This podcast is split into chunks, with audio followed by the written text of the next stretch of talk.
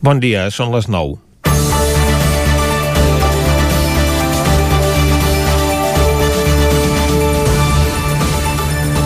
El president del govern espanyol compareixia ahir al Congrés per fer balanç a l'estat d'alarma. El relacionat amb la pandèmia se suposa, perquè molt alarmat deu estar amb el desenllaç de les eleccions al Parlament, que la discussió política derivés en una interpretació dels resultats. Que l'independentisme hagi superat el 51% dels vots cou a Madrid i per això s'intenta deslegitimar el resultat utilitzant com a excusa la baixa participació. Ja és ser cínic que muntis unes eleccions fetes a mida quan et convenen per després qüestionar un resultat que no t'agrada. Els partits independentistes sostenen que aquestes eleccions van ser una qüestió d'estat per enderrocar-los del poder. Es van celebrar en contra de la seva voluntat atesa la situació sanitària i les enquestes del CIS van pronosticar una victòria socialista modificant fins i tot les seves rutines habituals a l'hora de dur-les a terme i en els mètodes d'encarregar el treball. Pedro Sánchez s'aferra a les estadístiques per sostenir que no hi ha una majoria independentista a Catalunya perquè entre Esquerra Republicana de Catalunya, Junts per Catalunya, la CUP i el PDeCAT només representen el 23% del cens, com si tota la resta de censats haguessin de pensar el contrari o exactament el que pensa ell. No sé d'on haurà tret el president del govern aquests percentatges perquè sumant el grapat de vots que van aconseguir altres forces clarament independentistes com primàries o el Front Nacional de Catalunya, que no van arribar als 10.000 vots entre les dues, el total de vot favorable a la independència era del 27%, lluny del 15% aconseguit per socialistes i comuns, que segons va dir uns dies abans era la fórmula de govern que volien els catalans. Vaja, el mateix duet que governa Espanya amb el suport només del 24% dels votants del novembre de 2019, sense que ningú qüestioni la legitimitat i que, per cert, darrerament estan com gat i gos, igual que Junts per Catalunya i Esquerra Republicana quan fa 13 mesos Quim Torra va dir que la legislatura s'havia esgotat sense esperar que la sense esperar-se la pandèmia que li caia a sobre. Ens queda molt per guanyar en els governs de coalició. Ningú ha qüestionat els resultats d'altres eleccions convocades en aquest context sanitari, com van ser les de Galícia o el País Basc el juliol de l'any passat, que van reforçar els respectius presidents. Es dona per bona la majoria absolutíssima d'Alberto Núñez Feijó amb el 48% dels vots emesos per un 49% del cens, i també s'exempta el govern nacionalista basc, malgrat que només va votar la meitat del cens. Més lluny, a la Gran Bretanya, el Brexit va guanyar pels pèls amb el 52% de participació. A Catalunya, en canvi, el grau d'exigència és molt més alt i es qüestiona el resultat d'una participació més elevada que tots aquests llocs i que hagués pogut ser encara superior si s'hagués pogut, si no s'haguessin posat traves al vot exterior, com denuncien reiteradament molts catalans residents a l'estranger però ni que el 80% del vot hagués estat independentista a Madrid haguessin reconegut un resultat que no els interessa. Comencem Territori 17 a la sintonia del 9 FM, Ràdio Cardedeu, la veu de Sant Joan, Ona Codinenca i el 9 TV. Territori 17, amb Vicenç Vigues i Jordi Sunyer. Són les 9 i 3 minuts i mig del dijous, dia 25 de febrer de 2021. Comença aquí un nou Territori 17 que avui, durant la primera hora, com sempre, us acostarà tota l'actualitat de les nostres comarques. Després, a partir de les 10, un nou butlletí informatiu, entrevistes, secció de cinema, avui amb Núria Lázaro, recuperarem la secció de paraules i curiositats del català amb Cristina Enfruns i acabarem al punt de les 12 del migdia amb el racó de pensar amb Maria López. Tot això i molt més des d'ara mateix i això fins al punt de les les 12 del migdia i el que toca per arrencar, com sempre, és fer un repàs a l'actualitat de les nostres comarques, les comarques del Ripollès, Osona, el Moianès i el Vallès Oriental.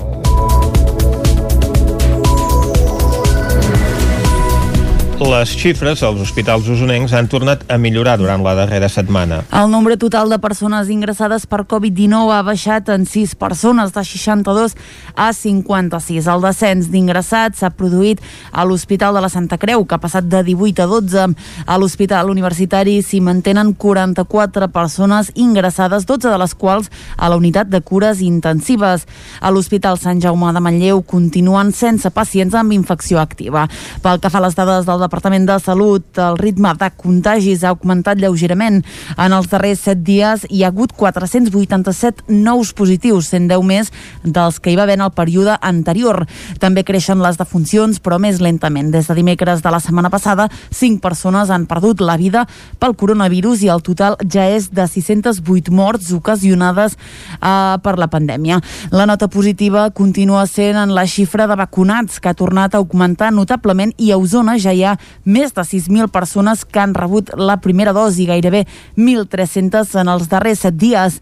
La segona dosi ja s'ha administrat a 3.971 persones. L'Ajuntament de Vic ofereix 200.000 euros més d'ajuts directes per comerços i establiments obligats a tancar. Fins al 31 de març, els comerços i establiments obligats a tancar, siguin de la trama urbana o dels polígons, podran sol·licitar més ajuts directes de l'Ajuntament de Vic per fer front a la pandèmia. La regidora de Promoció Econòmica, Comerç i Ocupació de l'Ajuntament de Vic, Bet Piella, insisteix en que l'Ajuntament està al costat d'aquells comerços i establiments com poden ser restaurants, gimnasos o centres d'estètica que es van veure obligats a tancar per les mesures decretades pel Procicat.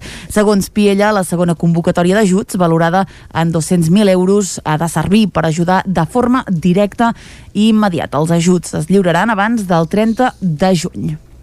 La policia local de Manlleu interposa una dotzena de denúncies a bars que no complien les mesures. La policia local ha aixecat des del gener fins ara a 12 actes a 10 bars de Manlleu per no complir les mesures de prevenció contra la Covid-19. Segons informa el consistori, els locals denunciats estan situats als barris de Vilamirosa, l'Erm, la Coromina i la Cavalleria.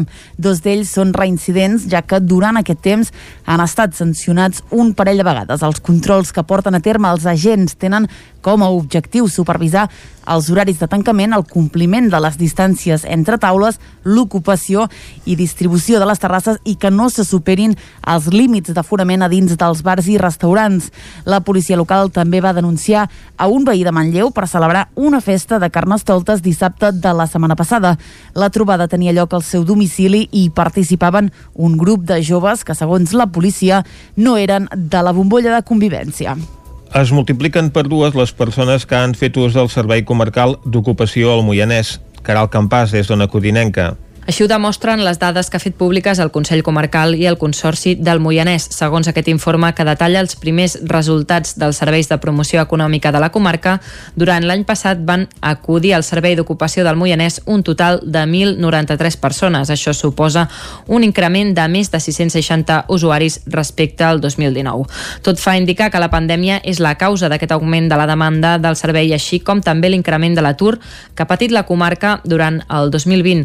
De fet, si ens fixem en els usuaris per municipi, les dades tenen molt a veure amb el percentatge de gent que es troba desocupada. Per exemple, en primer lloc tenim la població de Mollà amb 644 persones que han fet ús del servei, seguida de Castellterçol, Monistrol de Calders o Castellcí. Val a dir que un total de 229 persones van dur a terme només una primera entrevista, mentre que la gran majoria, 864, se'ls va fer un seguiment del cas. Si ens fixem per sexe, les dones utilitzen més el servei d'ocupació que els homes, homes, un 53% respecte a un 47%. Per últim, les persones amb l'ensenyament obligatori són les majoritàries, tot i que també destaquen els usuaris amb un grau mitjà o superior o els que tenen una llicenciatura. Casa Terra presenta la memòria del seu primer any on hi destaquen les accions fetes al Nepal i l'expansió cap a la República Democràtica del Congo. Isaac Muntades des de la veu de Sant Joan.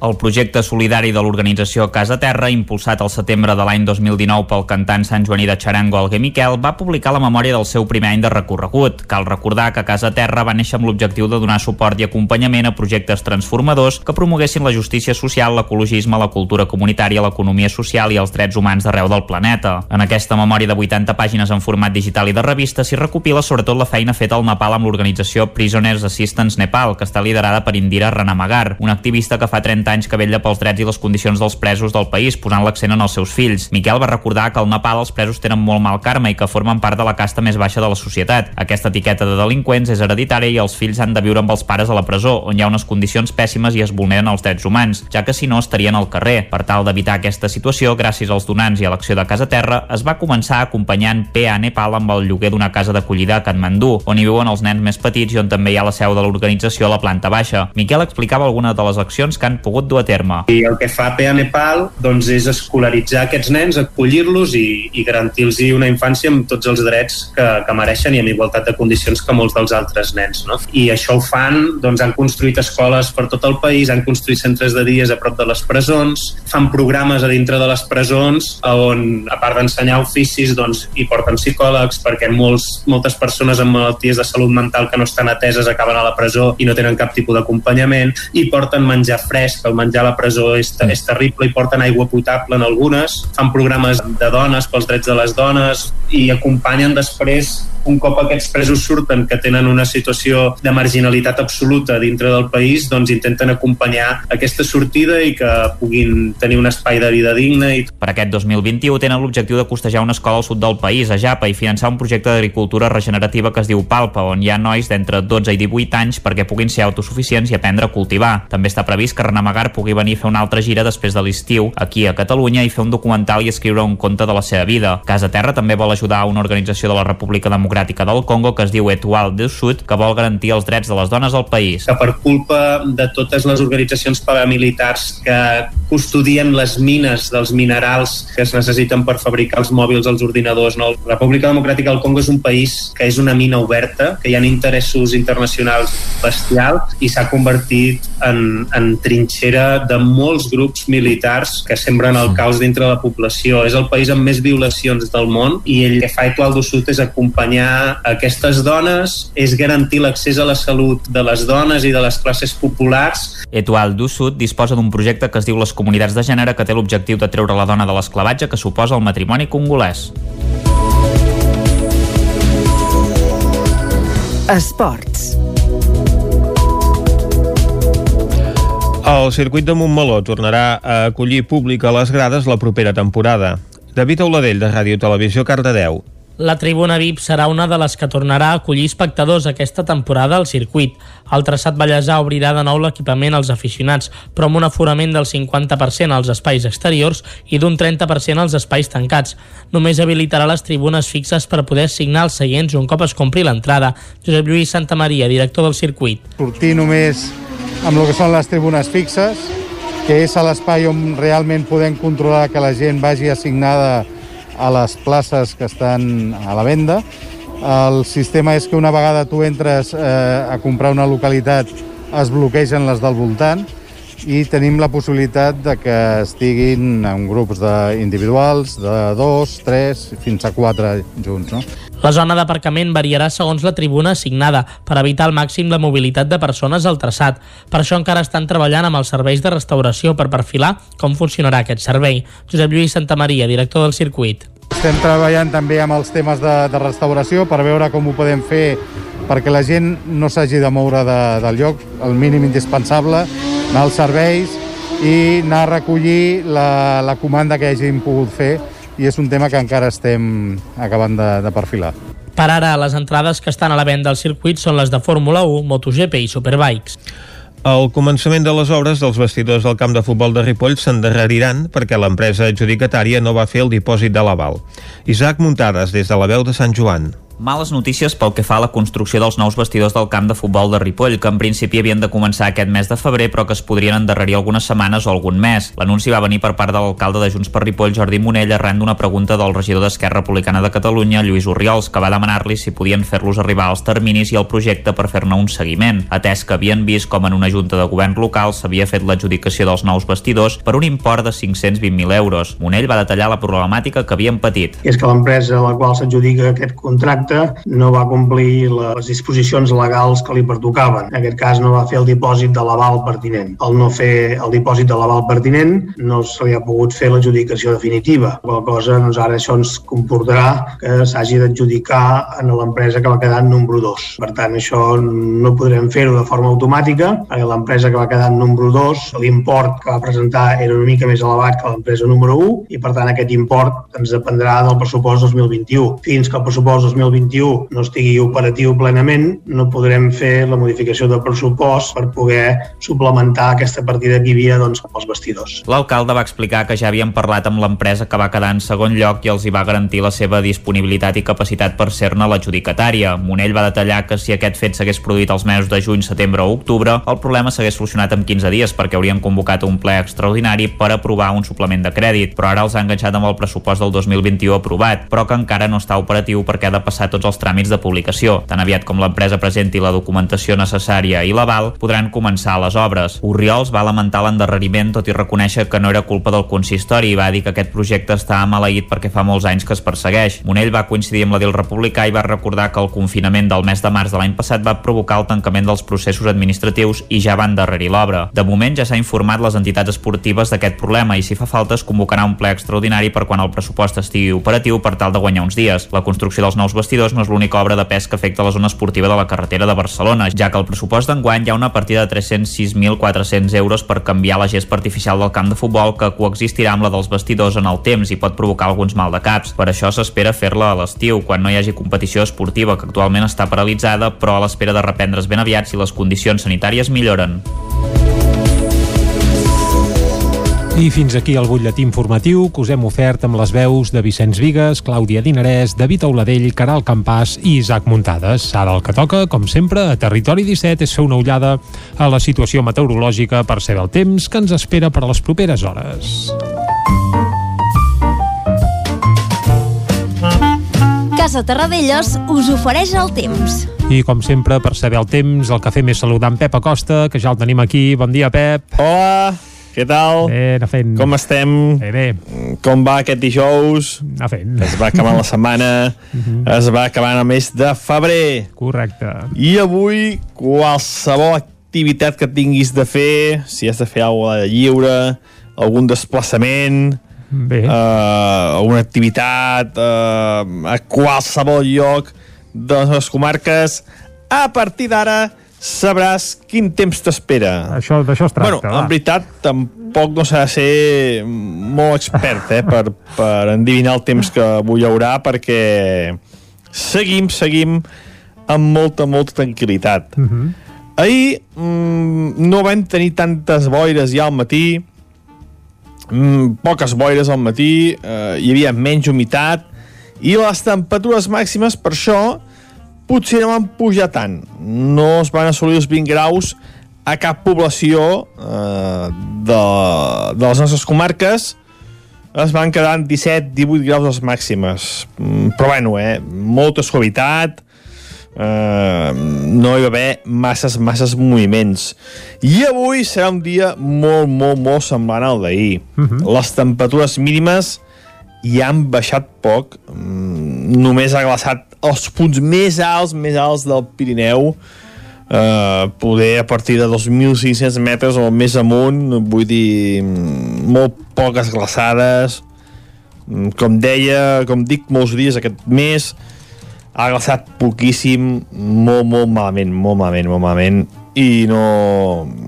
No, no, No no, es veu no cap, cap moviment, eh? cap canvi de temps mm, cap glaçada a, a curt ni mig termini, diré jo, eh? per tant, molt, molt, molt malament aquest mes de, de febrer. Uh, hi ha menys boires també mm, no hi, ha, no hi ha hagut tanta humitat aquesta nit la humitat ha baixat i això fa que hi hagi menys boires aquestes últimes nits uh, altres dies n'hi ha hagut més avui n'hi ha menys i a més a l'haver-n'hi menys. I són menys espesses Uh -huh. uh, aviat desapareixeran. El sol uh, escalfarà i de seguida eliminarà aquestes boires. Mm, de cara a la tarda hi pot haver algun núvol, algun núvol prim d'un front que, que es situa a l'oest de la península ibèrica. Molt poca cosa, eh? Aquest, eh, aquests núvols. En cap cas eh, no indiquen que canvi de temps eh, només és això, algun núvol prim molt poca cosa Uh -huh. i unes temperatures molt semblants als d'ahir no arribarem a 20 graus a cap població, eh, però sí que la majoria de les màximes entre els 15, 17, 18 graus. Eh, 16 a Ripoll, 17 a Vic, 17 també a Mollà, unes temperatures força, força suaus. I, com deia això, eh, no plourà en lloc, només núvols prims i molt, molt, molt poca cosa. Mm, cap canvi de temps durant el dia d'avui. Uh, els pròxims dies mm, continuar la mateixa tònica. Mm, poder dissabte es pot escapar alguna gota, però bueno, demà ho acabem d'afinar, mm, però molt poca cosa és que arriba a caure, eh? -huh. No hi ha cap canvi important en els pròxims dies. I això és tot. A disfrutar el dia d'avui, un dia amb alguna boira al matí, tarda assolellada i unes temperatures força suaus. Moltes gràcies, adeu. Vinga, moltes gràcies a tu, Pep. Uh, salut, que vagi bé. Nosaltres ara el que farem és anar cap al quiosc. Casa Tarradellas us ha ofert aquest espai. Territori 17. Envia'ns les teves notes de veu per WhatsApp al 646 079 023. 646 079 023. WhatsApp Territori 17.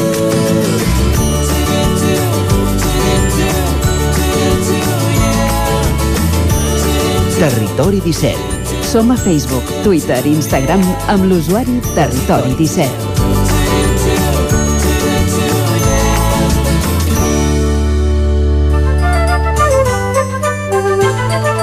Arriba l'hora d'anar al quiosc i de veure què és el que treuen en portada els diaris d'avui. Clàudia. Bon dia de nou. Comencem, com sempre, amb el punt avui, que avui entrevista Alba Vergés, consellera de Salut, que diu que no vacunem més perquè falten dosis. A la imatge aquí veiem és a Carles Puigdemont que insta a la Unió Europea a no acceptar la pressió espanyola i el jutge manté el tercer grau als presos de Lledoners. Anem al diari Ara, que avui obre amb un titular que parla de l'escenari postelectoral. Diu la CUP reclama la presidència del Parlament.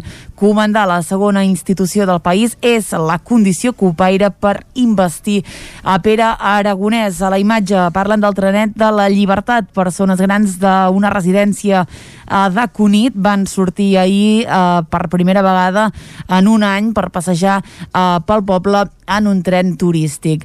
Un altre titular diu alarma a la UAP per un brot de Covid a la vila universitària. Anem al periòdico que parla de les pimes, que diu rebran una cinquena part de l'ajuda que necessiten.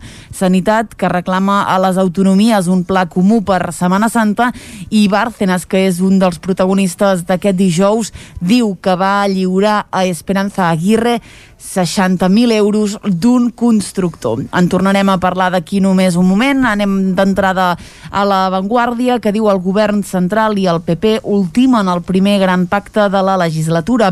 El repartiment per la renovació de la cúpula del Poder Judicial reserva dos llocs per Podem i un per al PNB.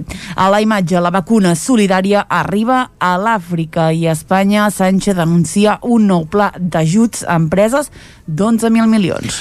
Anem a veure, doncs, que, de, què treuen en portada els diaris a Madrid i si parlen també de Bárcenas o no. Comencem amb el país, que diu Sánchez i Casado es donen una treva per pactar les institucions. PSOE i PP ultimen un acord per renovar el poder judicial, el Tribunal Constitucional, el Consell de Ràdio i Televisió Espanyola i també el defensor del poble. Aquí ja veiem a Bárcenas que diu declara el jutge que va lliurar aquests 60.000 euros en efectiu a Esperanza Aguirre. Un altre dels temes que obre avui al país parla dels tumors, dels tumors que va amagar la Covid-19. Diu els diagnòstics de càncer van caure un 21% en la primera onada de la pandèmia.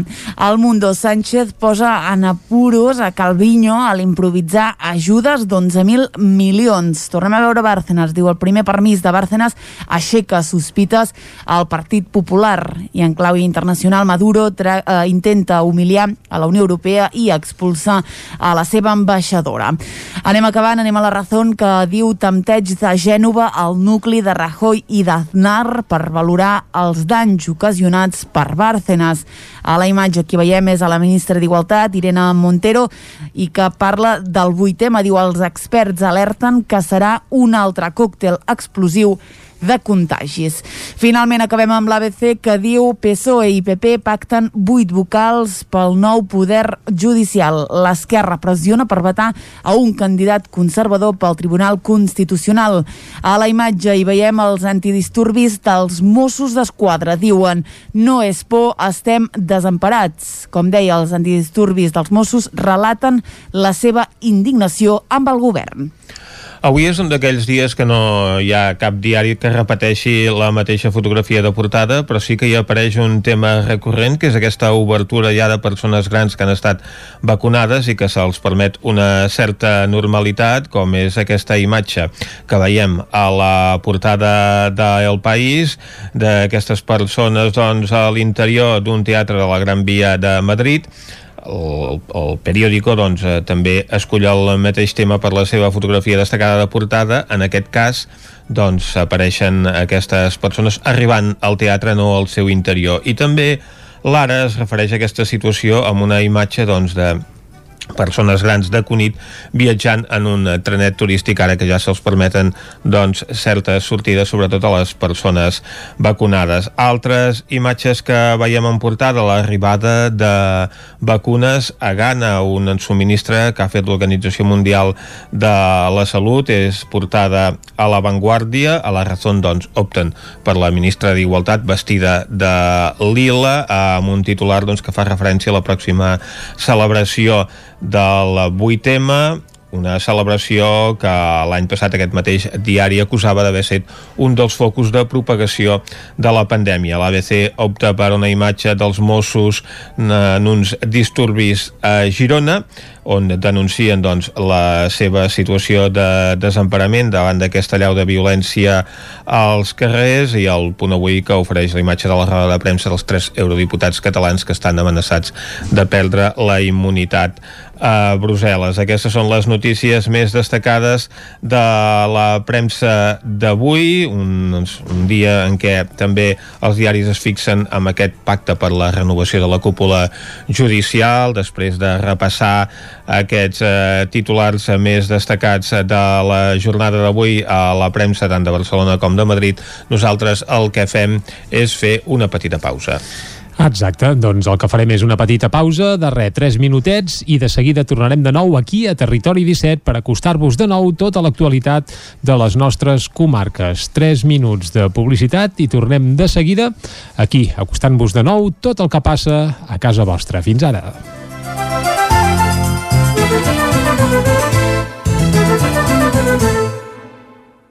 Cocodril Club. Si t'agrada la bona música dels anys 60, 70 i 80, escolta el 9 FM als matins de dissabtes i diumenges d'11 a 1. És el temps del Cocodril Club, tot un clàssic de la ràdio, amb les bases del pop-rock, les llegendes, les cançons que s'han convertit en autèntics himnes. Recorda, dissabtes i diumenges al matí, d'11 a 1, al 9 FM 92.8. Cocodril Club, el programa revival de l'Albert Malla. Hasta luego, cocodrilo. Estudi fotogràfic. Nosaltres et lloguem el plató amb tot tipus de decorats i tu fas les fotos per només 18 euros l'hora. Per comunions, aniversaris, bucs, embarassades, nounats, suport rotatiu per fer vídeos de TikTok i molt més. Per Sant Valentí regala un val per només 18 euros i tindràs un bon record fotogràfic. Ens trobaràs al carrer de Sant Tomàs 4 de Call d'Atenes al telèfon 640 56 0310 i també a Instagram i a Facebook. Papeta Vilaró. Menjar a domicili per a gent gran. Menús saludables i adaptats segons les seves necessitats. Per viure més temps a casa amb millor salut i qualitat de vida. Informa-te'n al 931 31 71 81 o a papetavilaró.cat. Papeta Vilaró. La salut i el benestar dels nostres avis comença per cuidar el que mengen.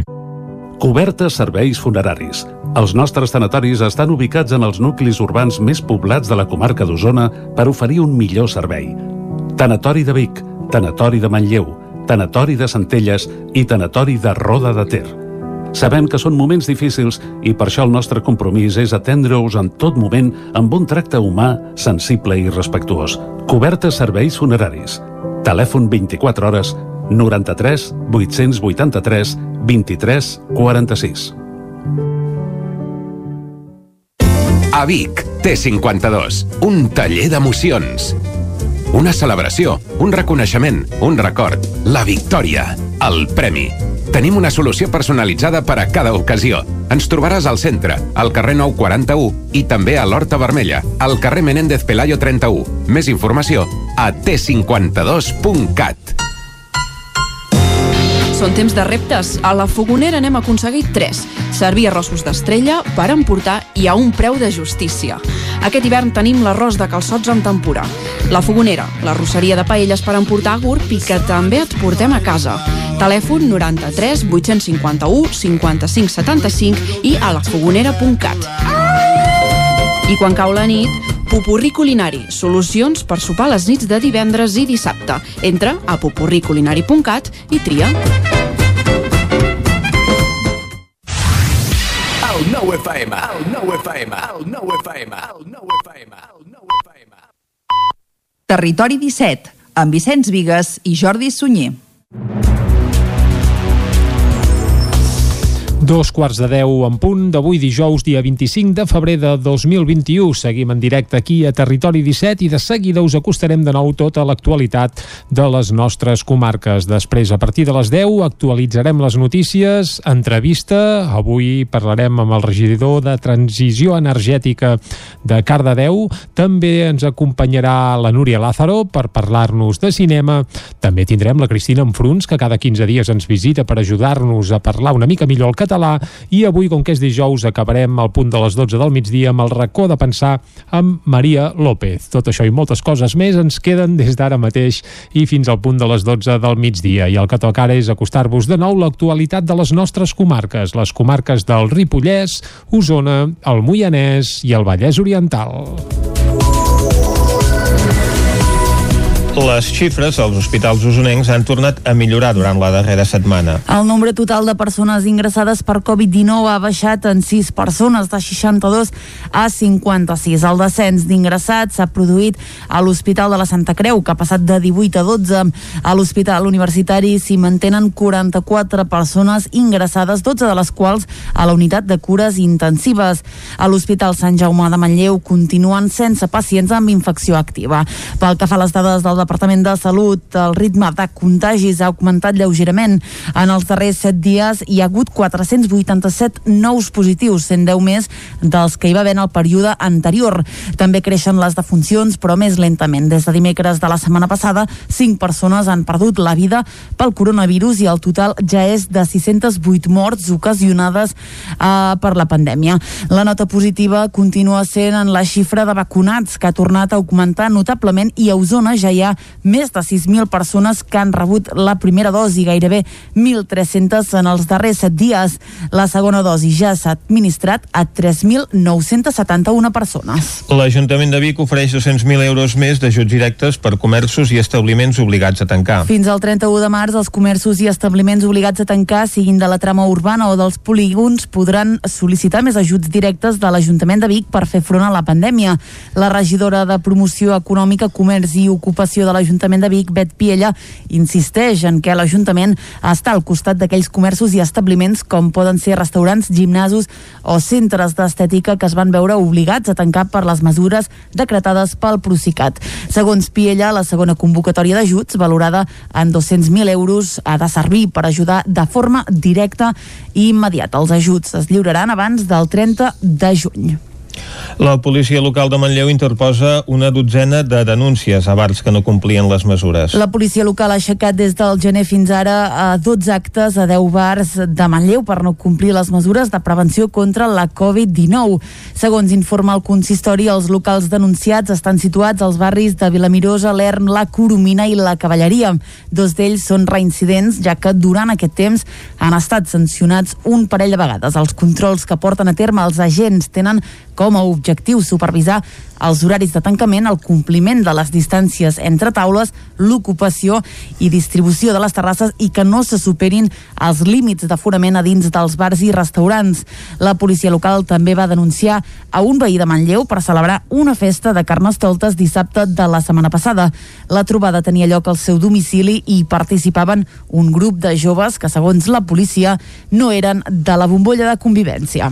Es multipliquen per dues les persones que han fet ús del Servei Comarcal d'Ocupació al Moianès. Caral Campàs, des d'Ona Codinenca. Així ho demostren les dades que ha fet públiques el Consell Comarcal i el Consorci del Moianès, segons aquest informe que detalla els primers resultats dels serveis de promoció econòmica de la comarca. Durant l'any passat van acudir al Servei d'Ocupació del Moianès un total de 1.093 persones. Això suposa un increment de més de 660 usuaris respecte al 2019.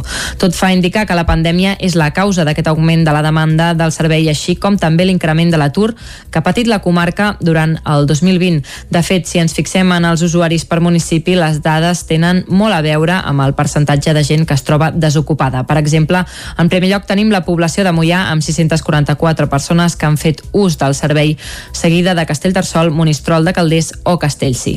Val a dir que un total de 229 persones van dur a terme només una primera entrevista, mentre que la gran majoria, 864, se'ls va fer un seguiment del cas. Si ens fixem per sexe, les dones utilitzen més el servei d'ocupació que els homes, homes, un 53% respecte a un 47%. Per últim, les persones amb l'ensenyament obligatori són les majoritàries, tot i que també destaquen els usuaris amb un grau mitjà o superior o els que tenen una llicenciatura. Casa Terra presenta la memòria del seu primer any on hi destaquen les accions fetes al Nepal i l'expansió cap a la República Democràtica del Congo. Isaac Muntades des de la veu de Sant Joan. El projecte solidari de l'organització Casa Terra, impulsat al setembre de l'any 2019 pel cantant Sant Joaní de Xarango Alguer Miquel, va publicar la memòria del seu primer any de recorregut. Cal recordar que Casa Terra va néixer amb l'objectiu de donar suport i acompanyament a projectes transformadors que promoguessin la justícia social, l'ecologisme, la cultura comunitària, l'economia social i els drets humans d'arreu del planeta. En aquesta memòria de 80 pàgines en format digital i de revista s'hi recopila sobretot la feina feta al Nepal amb l'organització Prisoners Assistance Nepal, que està liderada per Indira Ranamagar, una activista que fa 30 anys que vetlla pels drets i les condicions dels presos del país, posant l'accent en els seus fills. Miquel va recordar que al Nepal els presos tenen molt mal karma i que formen part de la casta més baixa de la societat. Aquesta etiqueta de delinqüents és hereditària i els fills han de viure amb els pares a la presó, on hi ha unes condicions pèssimes i es vulneren els drets humans, ja que si no estarien al carrer. Per tal d'evitar aquesta situació, gràcies als donants i a l'acció de Casa Terra, es va començar acompanyant PA Nepal amb el lloguer d'una casa d'acollida a Katmandú, on hi viuen els nens més petits i on també hi ha la seu de l'organització a la planta baixa. Miquel explicava algunes de les accions que han pogut dur a terme. I el que fa PA Nepal doncs, és escolaritzar aquests nens, acollir-los i, i garantir-los una infància amb tots els drets que, que mereixen i amb igualtat de condicions que molts dels altres nens. No? I això ho fan, doncs han construït escoles per tot el país, han construït centres de dies a prop de les presons, fan programes a dintre de les presons on, a part d'ensenyar oficis, doncs, hi porten psicòlegs perquè molts, moltes persones amb malalties de salut mental que no estan ateses acaben a la presó i no tenen cap tipus d'acompanyament, i porten menjar fresc, el menjar a la presó és, és terrible i porten aigua potable en algunes, fan programes de dones pels drets de les dones i acompanyen després un cop aquests presos surten que tenen una situació de marginalitat absoluta dintre del país, doncs intenten acompanyar aquesta sortida i que puguin tenir un espai de vida digne. I... Per aquest 2021 tenen l'objectiu de costejar una escola al sud del país, a Japa, i finançar un projecte d'agricultura regenerativa que es diu Palpa, on hi ha nois d'entre 12 i 18 anys perquè puguin ser autosuficients i aprendre a cultivar. També està previst que Renamagar pugui venir a fer una altra gira després de l'estiu aquí a Catalunya i fer un documental i escriure un conte de la seva vida. Casa Terra també vol ajudar una organització de la República Democràtica del Congo que es diu Etual del Sud, que vol garantir els drets de les dones al país. Que per culpa de totes les organitzacions paramilitars que custodien les mines dels minerals que es necessiten per fabricar els mòbils, els ordinadors, no? la República Democràtica del Congo és un país que és una mina oberta, que hi ha interessos internacionals bestials i s'ha convertit en, en trinxera de molts grups militars que sembren el caos dintre la població. És el país amb més violacions del món i el que fa Etualdo Sud és acompanyar aquestes dones, és garantir l'accés a la salut de les dones i de les classes populars. Etualdo Sud disposa d'un projecte que es diu Les Comunitats de Gènere que té l'objectiu de treure la dona de l'esclavatge que suposa el matrimoni congolès.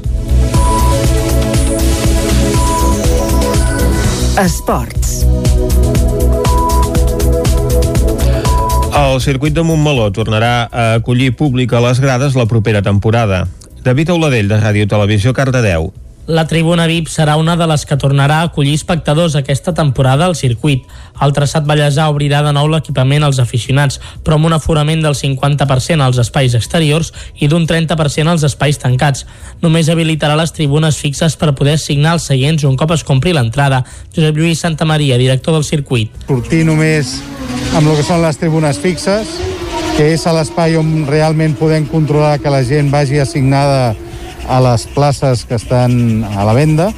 El sistema és que una vegada tu entres eh, a comprar una localitat es bloquegen les del voltant i tenim la possibilitat de que estiguin en grups de individuals, de dos, tres, fins a quatre junts. No? La zona d'aparcament variarà segons la tribuna assignada per evitar al màxim la mobilitat de persones al traçat. Per això encara estan treballant amb els serveis de restauració per perfilar com funcionarà aquest servei. Josep Lluís Santamaria, director del circuit.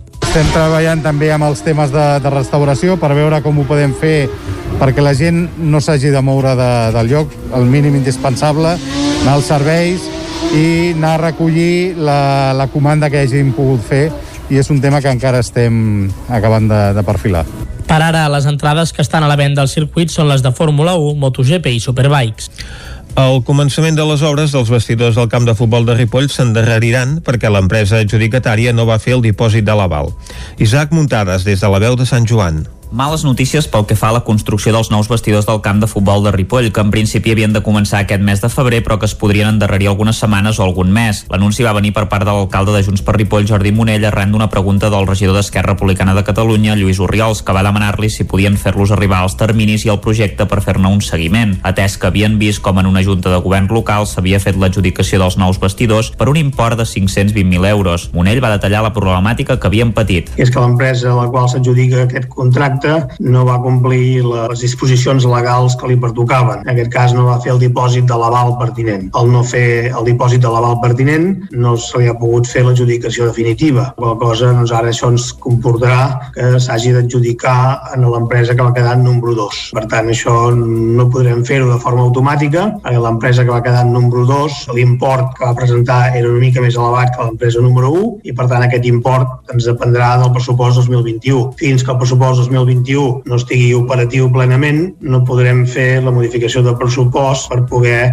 suplementar aquesta partida que hi havia doncs, pels vestidors. L'alcalde va explicar que ja havien parlat amb l'empresa que va quedar en segon lloc i els hi va garantir la seva disponibilitat i capacitat per ser-ne l'adjudicatària. Monell va detallar que si aquest fet s'hagués produït els mesos de juny, setembre o octubre, el problema s'hagués solucionat en 15 dies perquè haurien convocat un ple extraordinari per aprovar un suplement de crèdit, però ara els ha enganxat amb el pressupost del 2021 aprovat, però que encara no està operatiu perquè ha de passar tots els tràmits de publicació. Tan aviat com l'empresa presenti la documentació necessària i l'aval, podran començar les obres. Oriols va lamentar l'endarreriment tot i reconèixer que no era culpa del consistori i va dir que aquest projecte està maleït perquè fa molts anys que es persegueix. Monell va coincidir amb la del republicà i va recordar que el confinament del mes de març de l'any passat va provocar el tancament dels processos administratius i ja van endarrerir l'obra. De moment ja s'ha informat les entitats esportives d'aquest problema i si fa falta es convocarà un ple extraordinari per quan el pressupost estigui operatiu per tal de guanyar uns dies. La construcció dels nous vestidors no és l'única obra de pes que afecta la zona esportiva de la carretera de Barcelona, ja que el pressupost d'enguany hi ha una partida de 306.400 euros per canviar la gespa artificial del camp de futbol que coexistirà amb la dels vestidors en el temps i pot provocar alguns mal de caps. Per això s'espera fer-la a l'estiu, quan no hi hagi competició esportiva que actualment està paralitzada, però a l'espera de reprendre's ben aviat si les condicions sanitàries milloren. I fins aquí el butlletí informatiu que us hem ofert amb les veus de Vicenç Vigues, Clàudia Dinarès, David Auladell, Caral Campàs i Isaac Muntades. Ara el que toca, com sempre, a Territori 17 és fer una ullada a la situació meteorològica per saber el temps que ens espera per a les properes hores.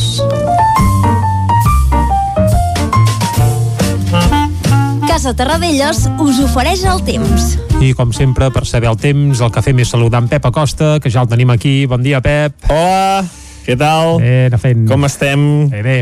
Com va aquest dijous? Anar fent. Es va acabant la setmana, es va acabant el mes de febrer. Correcte. I avui, qualsevol activitat que tinguis de fer, si has de fer alguna de lliure, algun desplaçament, Bé. uh, alguna activitat uh, a qualsevol lloc de les comarques, a partir d'ara sabràs quin temps t'espera. Això, d'això es tracta, bueno, va. en veritat, tampoc no s'ha de ser molt expert eh, per, per endivinar el temps que avui hi haurà, perquè seguim, seguim amb molta, molta tranquil·litat. Uh -huh.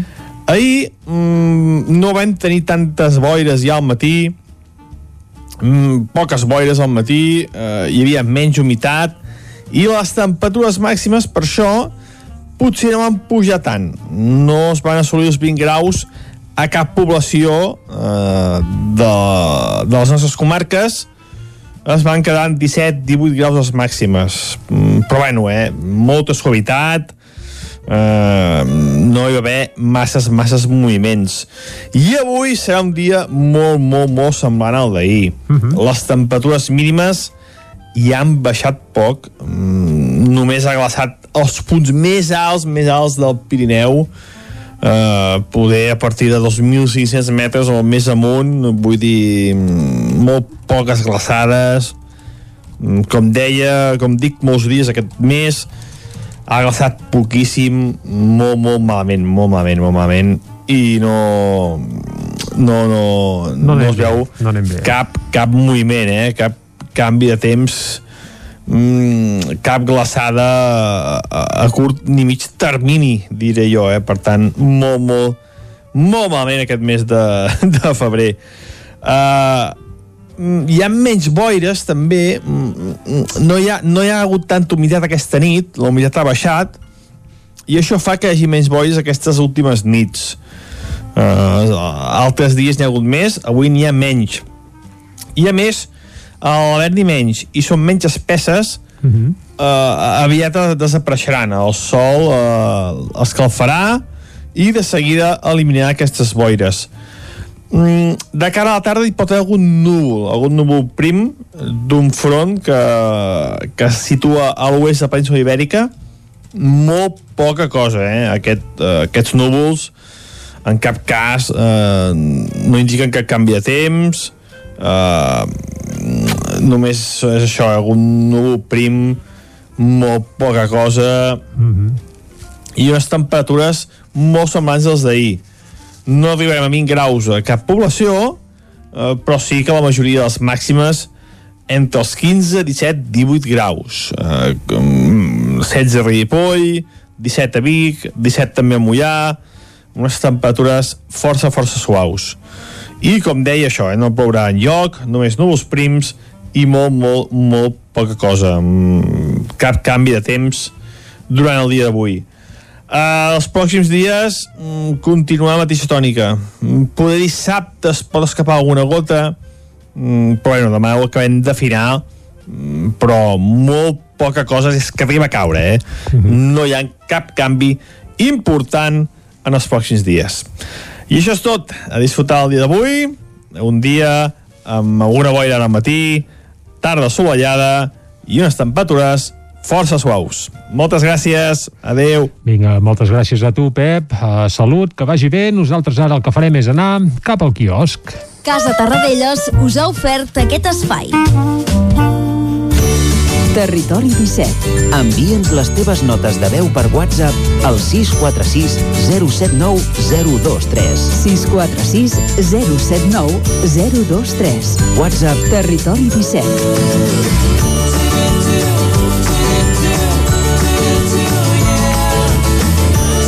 Territori 17.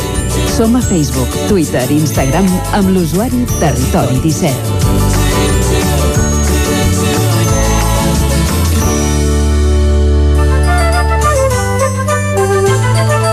Arriba l'hora d'anar al quiosc i de veure què és el que treuen en portada els diaris d'avui, Clàudia. Bon dia de nou. Comencem, com sempre, amb el punt avui, que avui entrevista Alba Vergés, consellera de Salut, que diu que no vacunem més perquè falten dosis. A la imatge aquí veiem és a Carles Puigdemont que insta a la Unió Europea a no acceptar la pressió espanyola i el jutge manté el tercer grau als presos de Lledoners. Anem al diari Ara, que avui obre amb un titular que parla de l'escenari postelectoral. Diu la CUP reclama la presidència del Parlament. Comandar la segona institució del país és la condició copaire per investir a Pere Aragonès. A la imatge parlen del trenet de la llibertat. Persones grans d'una residència eh, de Cunit van sortir ahir eh, per primera vegada en un any per passejar eh, pel poble en un tren turístic. Un altre titular diu alarma a la UAP per un brot de Covid a la vila universitària. Anem al periòdico que parla de les pimes, que diu rebran una cinquena part de l'ajuda que necessiten. Sanitat, que reclama a les autonomies un pla comú per Setmana Santa i Bárcenas, que és un dels protagonistes d'aquest dijous, diu que va lliurar a Esperanza Aguirre 60.000 euros d'un constructor. En tornarem a parlar d'aquí només un moment. Anem d'entrada a la Vanguardia, que diu el govern central i el PP ultimen el primer gran pacte de la legislatura. El repartiment per la renovació de la cúpula del Poder Judicial reserva dos llocs per Podem i un per al PNB. A la imatge, la vacuna solidària arriba a l'Àfrica i a Espanya Sánchez anuncia un nou pla d'ajuts a empreses d'11.000 milions.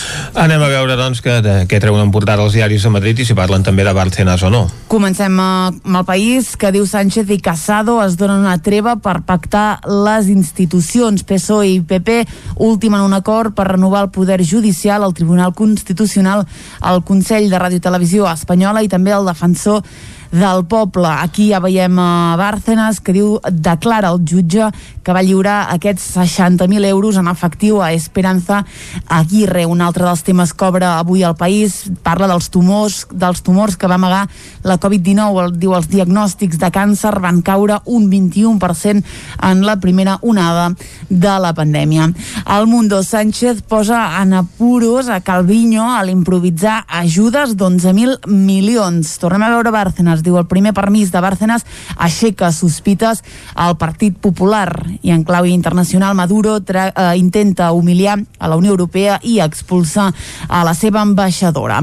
Anem acabant, anem a la raó que diu tempteig de Gènova al nucli de Rajoy i d'Aznar per valorar els danys ocasionats per Bárcenas. A la imatge que veiem és a la ministra d'Igualtat, Irene Montero, i que parla del vuit tema. Diu, els experts alerten que serà un altre còctel explosiu de contagis. Finalment acabem amb l'ABC que diu PSOE i PP pacten vuit vocals pel nou poder judicial. L'esquerra pressiona per vetar a un candidat conservador pel Tribunal Constitucional. A la imatge hi veiem els antidisturbis dels Mossos d'Esquadra. Diuen, no és por, estem desemparats. Com deia, els antidisturbis dels Mossos relaten la seva indignació amb el govern.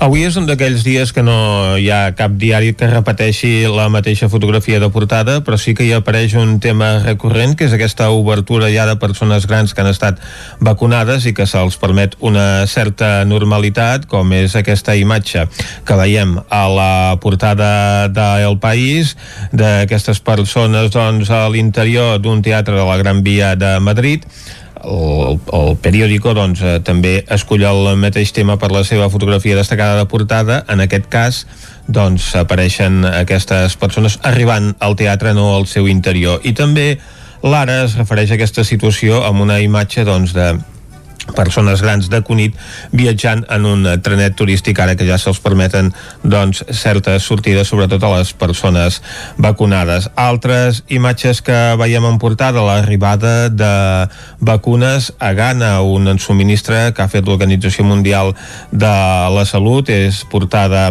a l'avantguàrdia, a la raó doncs opten per la ministra d'Igualtat vestida de lila amb un titular doncs, que fa referència a la pròxima celebració del 8M una celebració que l'any passat aquest mateix diari acusava d'haver set un dels focus de propagació de la pandèmia. L'ABC opta per una imatge dels Mossos en uns disturbis a Girona, on denuncien doncs, la seva situació de desemparament davant d'aquesta llau de violència als carrers i el punt avui que ofereix la imatge de la roda de premsa dels tres eurodiputats catalans que estan amenaçats de perdre la immunitat a Brussel·les. Aquestes són les notícies notícies més destacades de la premsa d'avui, un, doncs, un dia en què també els diaris es fixen amb aquest pacte per la renovació de la cúpula judicial, després de repassar aquests eh, titulars més destacats de la jornada d'avui a la premsa tant de Barcelona com de Madrid, nosaltres el que fem és fer una petita pausa. Bé, uh, Vicenç, una petita pausa, no? Uh, anem ja al gra, perquè s'acosta s'acosta a les 10 del matí i sempre tenim un raconet per escoltar una mica de música amb alguna excusa. Aquesta setmana ens hem posat un pèl nostàlgics i hem recordat que fa 30 anys d'uns quants detalls. No sé si era dilluns o dimarts, que vam recordar que es complia el 30è aniversari de la gravació del Vent Endins, aquell mític disc de Sopa de Cabra que es va gravar en directe a la Sala Celeste de Barcelona. Era el 22 de febrer, per tant era el dilluns, eh? Vam, vam recordar això. I aquesta setmana també es compleixen els 30 anys d'una altra cançó molt emblemàtica, que segurament és una de les més conegudes del rock català de l'àmbit gironí. Uh, és d'una banda molt mítica que encapçalava Adrià Puntí, per tant suposo que tots plegats ja estem una mica situats, estem parlant d'un papa i qui no estigui situat el situarem de seguida. Eh? Eh, segurament era, era un de la, dels grups més genials que ha tingut mai l'escena catalana, tècnicament, i bé, i pel que fa a recursos i a posada en escena, doncs eren una bomba. El grup havia nascut l'any 1989 de la mà, vaja, de la unió d'unes quantes patums de la música gironina encapçalat per l'Adrià Puntí, que aleshores es deia Josep Puntí, eh? l'Adrià s'ho va posar just quan, quan van treure el primer disc, un papa, aquest primer disc va arribar eh, concretament l'any 1991 i en aquest primer disc hi havia un himne que era la catximba. La catximba i els rostolls d'Angelina. Cal, cal dir que aquest era el, el títol sencer d'aquesta cançó, La catximba i els rostolls d'Angelina. Aquest disc va arribar al 1991. El disc es deia Raons de pes. Hi havia molts altres temes molt i molt emblemàtics i que van tenir, vaja, certa repercussió. Cal dir que després els Un Papa van arribar a treure encara uns quants discos més. Alguns d'ells després fins i tot es van passar al castellà per intentar obrir mercat doncs, una mica fora de, de les fronteres de Catalunya. Això no els hi va acabar d'anar gaire bé i al final l'any 1996 la banda es va dissoldre, això sí, de bon rotllo, entre ells, i l'Adrià Puntí a partir d'aleshores va començar una carrera en solitari que bé amb alt i baixos però encara continua viva i activa. Amb alt i i amb canvis de nom, eh? Tan aviat es diu Adrià Puntí, com es Sí. diu Puntí, com es diu Josep Puntí, ara es torna a dir Adrià Puntí. Bé, ara Però mateix... què pone en tu DNI? Ah, no, seu DNI posa Josep, això ho podem garantir, perquè més l'hem vist i també ens ha ensenyat algun altre carnet, però ara no seria el No moment de- d'entrar detalls, en gaires detalls, però el que sí que farem és recordar a la Catximba i els rostolls d'Angelina aquesta peça que aquesta setmana concretament fa 30 anys. Imagina't. Aviat és dit. Sí, senyor. Uh, arribarem fins al punt de les 10 això, escoltant la Catximba i els rostolls d'Angelina, aquesta mítica peça dels gironins Un Papa, aquella banda encapçalada per l'Adrià Puntí, que ell sí continua actiu en el món de la música. Tant de bo, ben aviat el puguem veure en condicions de dalt d'un escenari. Oh, i tant. Això seria un festival. Sí, senyor. Vinga, l'Angelina. A les 10 tornem a Territori 17. enviada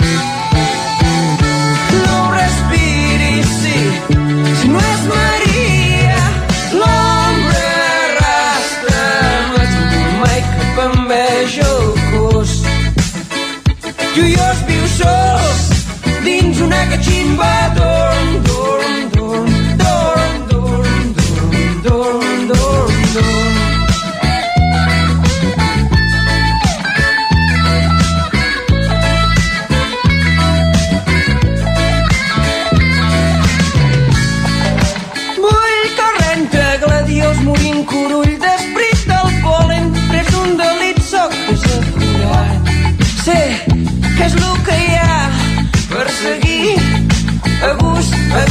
abús d'algú que fuig, abús, abús, abús d'algú que fuig. Lento Gino Chano, Gino Chano, Gino Chano, Gino Chano.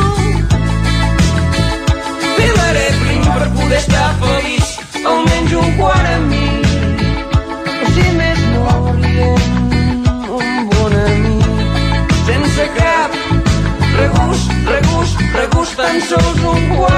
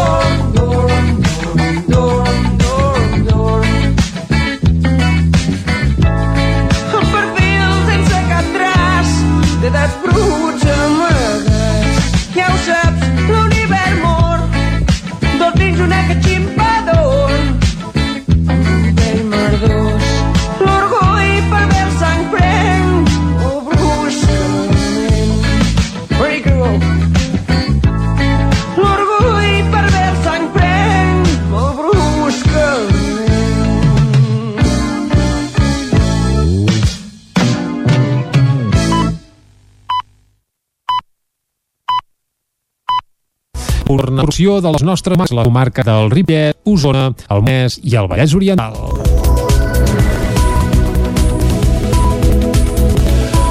L'Ajuntament de Nas del Vallès obligat a restaurar el servei d'aigua a l'antiga adjudicatària Soria, no hi ha sentència definitiva després de la denúncia del pres a l'Ajuntament per la municipalització del servei. David Oladell, de Ràdio Televisió Cardeu. Jutjat contenciós administratiu número 14 de Barcelona ha estimat aclarint realitzat per l'Ajuntament de Nas de Vallès i ha confirmat que el Consell ha de restituir a Sorea en la gestió del servei d'aigua municipi en aplicació a l'execució provisional d'una sentència del 2019 i de les mesures cautelars. Amb la destimació, la petició de clarint presentada per l'Ajuntament obliga a un que restitueixi la gestió indirecta del servei municipal d'abastament d'aigua a Sorea. La interlocutòria establia que l'Ajuntament ha de restituir a Sorea la prestació del servei fins que el Tribunal Superior de Justícia de Catalunya no resolgui l'apel·lació contra el sentent dictat pel mateix jutjat i que hi ha consistori l'incompliment de la mesura cautelar determinada. La representació consistori al·legava que aquest fet podria provocar indemnitzacions als nous adjudicataris del servei, mentre que el jutjat rebatia que, precisament, si es derivaven indemnitzacions era per causa d'anar en contra de la interlocutòria del 25 de febrer del 2020, que establia les mesures cautelars de suspensió de l'actuació administrativa impugnada el procediment principi. Sora va iniciar el procediment judicial perquè, segons diuen, el canvi de model de gestió no s'havia fet d'acord amb el que estableix la llei. El consistori va iniciar els tràmits el 2016 i va decretar la gestió pública de l'aigua al maig de 2017. La companyia d'aigües va recórrer als tribunals que li van donar la raó el desembre de 2019. L'Ajuntament va presentar un recurs davant del Tribunal Superior de Justícia de Catalunya, però mentrestant Soraya va demanar que s'executés provisionalment la primera sentència i es revoqués el decret que li retirava la gestió de l'aigua. L'Ajuntament ja va considerar que caldria indemnitzar els nous adjudicataris i va interposar un recurs. El desestiment d'aquests recursos i que el magistrat ha rebutjat fa que la decisió ja sigui ferma i no es pugui recórrer. S'aproven dues mocions al ple de Ripoll per donar suport a Pablo Hasél amb el PSC com a protagonista. Isaac Muntades des de la veu de Sant Joan. Les conseqüències de l'empresonament de Pablo Hasél van generar un cert debat al ple de l'Ajuntament de Ripoll d'aquest passat dimarts, que va aprovar una moció en suport del cantant de rap lleidatà, una proposta que va rebre el suport de tots els grups polítics del consistori i de la regidora no escrita Sílvia Oriols amb l'única excepció del PSC, que es va abstenir. Els socialistes van justificar la seva abstenció al·legant que ja havien presentat una altra moció en defensa de la llibertat d'opinió i d'expressió, igual a la que va presentar Junts a l'Ajuntament de Barcelona, que es va aprovar més tard amb els seus vots i els de Junts per Ripoll. En canvi, Esquerra Republicana de Catalunya i l'Alternativa per Ripoll CUP van votar-hi en contra, mentre que Oriols es va abstenir. Tant els republicans com els copaires van criticar la postura del PSC. La regidora d'Esquerra, Chantal Pérez, va acusar els socialistes de no tenir la valentia d'atacar l'estat espanyol i una cúpula del poder judicial que va titllar de caduca i podrida. De fet, Pérez va dir que l'única diferència entre els textos residia en que en un hi havia l'expressió regressió democràtica i en l'altre no. Pérez va ser molt crític amb el govern de l'Estat. El govern més progressista de la història no ha modificat el Codi Penal, no ha derogat la llei Mordassa i ha estat incapaç d'atacar i condemnar com hauria de ser els actes feixistes. El mateix dia que el senyor Hassel entrava a presó, hi havia una manifestació en suport de la divisió Azul i la Fiscalia només ho va denunciar. Una vegada ja el propi govern israelià a través del seu ambaixador havia formulat la denúncia. Com pot ser que persones que es diuen republicanes i d'esquerres estiguin aixecant d'aquesta manera el llop de l'extrema dreta? El portaveu copaire Aitor Carmona en la mateixa línia va dir que el PSC creia que això era un fet aïllat aïllat i que no podien donar-hi suport perquè estaven darrere de l'entramat judicial. És el fet doncs, de l'argumentació de que la justícia espanyola, tots sabem que no cau del cel, és a dir, està orquestrada des, del propi, des dels propis poders de l'Estat. Per tant, és tot un entramat polític que controla doncs, totes les esferes. La portaveu del PSC, Ana Belén Avilés, va dir que el text consensuat entre Junts, Esquerra i la CUP no tenia voluntat integradora i va començar condemnant la violència d'aquesta setmana de protestes i el darulls al carrer perquè, segons va dir, desvirtuen i embruten la legítima protesta dels ciutadans. Avilés, com la resta de grups, va considerar que no es podia condemnar ningú per injúries a la corona o per enaltiment del terrorisme i va dir que sí que s'havien enfrontat a l'Estat. No estic gens d'acord que amaguem el cap ni que no vulguem dir-li res amb aquest govern de Pedro Sánchez, precisament perquè un dels acords parla sobre que el govern de l'Estat faci determinats canvis, instaurar aquesta o promoure aquesta modificació, es notificarà al Congrés, amb la qual cosa tots els grups parlamentaris estaran informats també de que nosaltres hem aprovat aquesta moció. Finalment, més regressió democràtica del que va suposar canviar la legalitat vigent al Parlament de Catalunya donant l'esquena a gairebé la meitat dels diputats, eh, no crec que estiguem com per anar donant gaires lliçons. La regidora Sílvia Oriols, tot i votar a favor de la primera moció, va condemnar les piulades masclistes que Pablo Hasél havia fet a les xarxes i va dir que també havia banalitzat el nazisme. De fet, Oriols es va queixar que demanessin llibertat d'expressió per Hasél quan la resta de regidors del consistori votaven en contra de la seva llibertat d'expressió. L'Ajuntament de Manlleu ha reformat el servei del Trip i Joc, el centre obert que, a través d'activitats lúdiques i educatives, permet desenvolupar aptituds personals i socials als infants. En el ple d'aquest dimarts, fet per via telemàtica, s'aprovava per unanimitat el nou model de servei d'intervenció socioeducativa que deixa de prioritzar les activitats en grup al local del tripijoc i acosta als educadors al nucli familiar per treballar amb els infants i les seves famílies. Als usuaris se'ls ve que una activitat extraescolar perquè es relacionin amb altres infants. Pere Comte és el regidor de promoció social i personal de l'Ajuntament de Manlleu. Que ens estem adonant molt més de les necessitats i les carències que tenien molts d'aquests infants i molts dels que tenien les seves mares i pares. Uh, això ens permet, a més a més, observar les interaccions, les interaccions familiars. Cal dir que les famílies han acollit molt bé el nou model Pere Comte també va anunciar al ple que la regidora, regidoria perdoneu, que encapçala llogarà l'edifici de Can Xaran per habilitar-hi un centre d'acolliment d'urgència. D'altra banda, amb la finalització de l'equipament tècnic de la sala, el Teatre Centre de començar la programació regular aquest mes de març. Cal resoldre encara, però qui el gestionarà? Pregunta que la portaveu del PSC, Marta Moreta, traslladava al ple. La sentim a ella i també a l'alcalde de Manlleu, Àlex Garrido no creuen que han tingut temps suficient per buscar una fórmula legal per decidir com es gestionarà? Qui millor pot programar el teatre són gent que s'entengui en teatre. Per tant, aquí, eh, sortosament, a la nostra ciutat, tenim eh, entitats eh, que en saben un munt i falta trobar aquest encaix eh, que, com bé et deia, no compartien els diferents eh, secretaris i secretàries que han passat pel nostre Ajuntament. Amb els vots en contra del PSC i del regidor no adscrit, el ple Manlleuenc va aprovar la moció de suport a Pablo Hasél i en defensa de la llibertat d'expressió. Unes 120 famílies dels barris de Sant Llàtzer i de les quatre estacions de Vic podran participar en una prova pilot de compostatge comunitari amb la fracció orgànica dels residus. L'Ajuntament de Vic, conjuntament amb el Centre Tecnològic Beta de la Universitat de Vic, Universitat Central de Catalunya, han engegat aquesta prova per avaluar el potencial d'aquest sistema per gestionar la fracció verda i comprovar si pot ser una solució més sostenible des del punt de vista ambiental i econòmic. Joan Colón és investigador del Centre Beta s'estan implementant eh, compostadors comunitaris amb, amb, amb tancaments magnètics que ens permet fer un seguiment eh, de la participació dels ciutadans eh, en el projecte. Això té l'avantatge que ens pot arribar a permetre a implementar sistemes de pagament per generació. Per tant, que els ciutadans que ho facin bé doncs, tinguin, puguin tenir descomptes en les taxes de residus i els que ho facin malament doncs, hagin de pagar més. S'han instal·lat quatre punts de compostatge als dos barris en una prova pilot que s'allargarà durant un any i mig fins al mes de desembre del 2022. Durant aquest període, la gestió professionalitzada de residus la farà el centre Beta i alhora formarà a un equip de gestors professionals que puguin donar continuïtat al sistema un cop acabi la prova pilot. Pels usuaris, el canvi ha de ser mínim. Només hauran de deixar la bossa d'orgànica dins del compostador i portar la fracció verda amb fulles gespa o partites branques blanques a l'àrea d'aportació. Des de l'Ajuntament, el regidor de Medi Ambient, Albert Castells, reconeixia que és un projecte de molt interès per la ciutat. El tema dels residus és un tema clau estratègic. Hem de reduir la generació de residus, no podem eh, seguir generant cada vegada més residus a la ciutat, hem d'invertir la tendència, hem d'aconseguir caminar cap a un residu zero, hem de seleccionar millor els residus, hem de poder eh, fer un percentatge més alt de recuperació de residus i hem de poder, eh, mitjançant la tecnologia, arribar a una taxa de residus més justa. La prova pilot de Vic s'afegeix a una altra de similar que la tardor passada va arrencar les masies de Roda en el marc del mateix projecte i que està donant molt bons resultats. Caldes fa passos per implantar un sistema de telegestió de l'enllumenat públic. Aquests dies estan realitzant proves per tal de començar a implantar-lo durant el mes de març. Caral Campàs, des d'Ona Codinenca. El nou sistema es basa en un aplicatiu a través del qual els tècnics poden controlar i gestionar l'enllumenat amb només un clic. Principalment, el seu ús permet controlar l'horari d'encesa i apagat de forma individualitzada a cada punt de llum. Al mateix temps, permet més rapidesa en la detecció d'incidències i, per tant, en un futur serà més ràpid i senzill poder resoldre-les. Jaume Mauri és regidor d'Espais Públics i Serveis Municipals.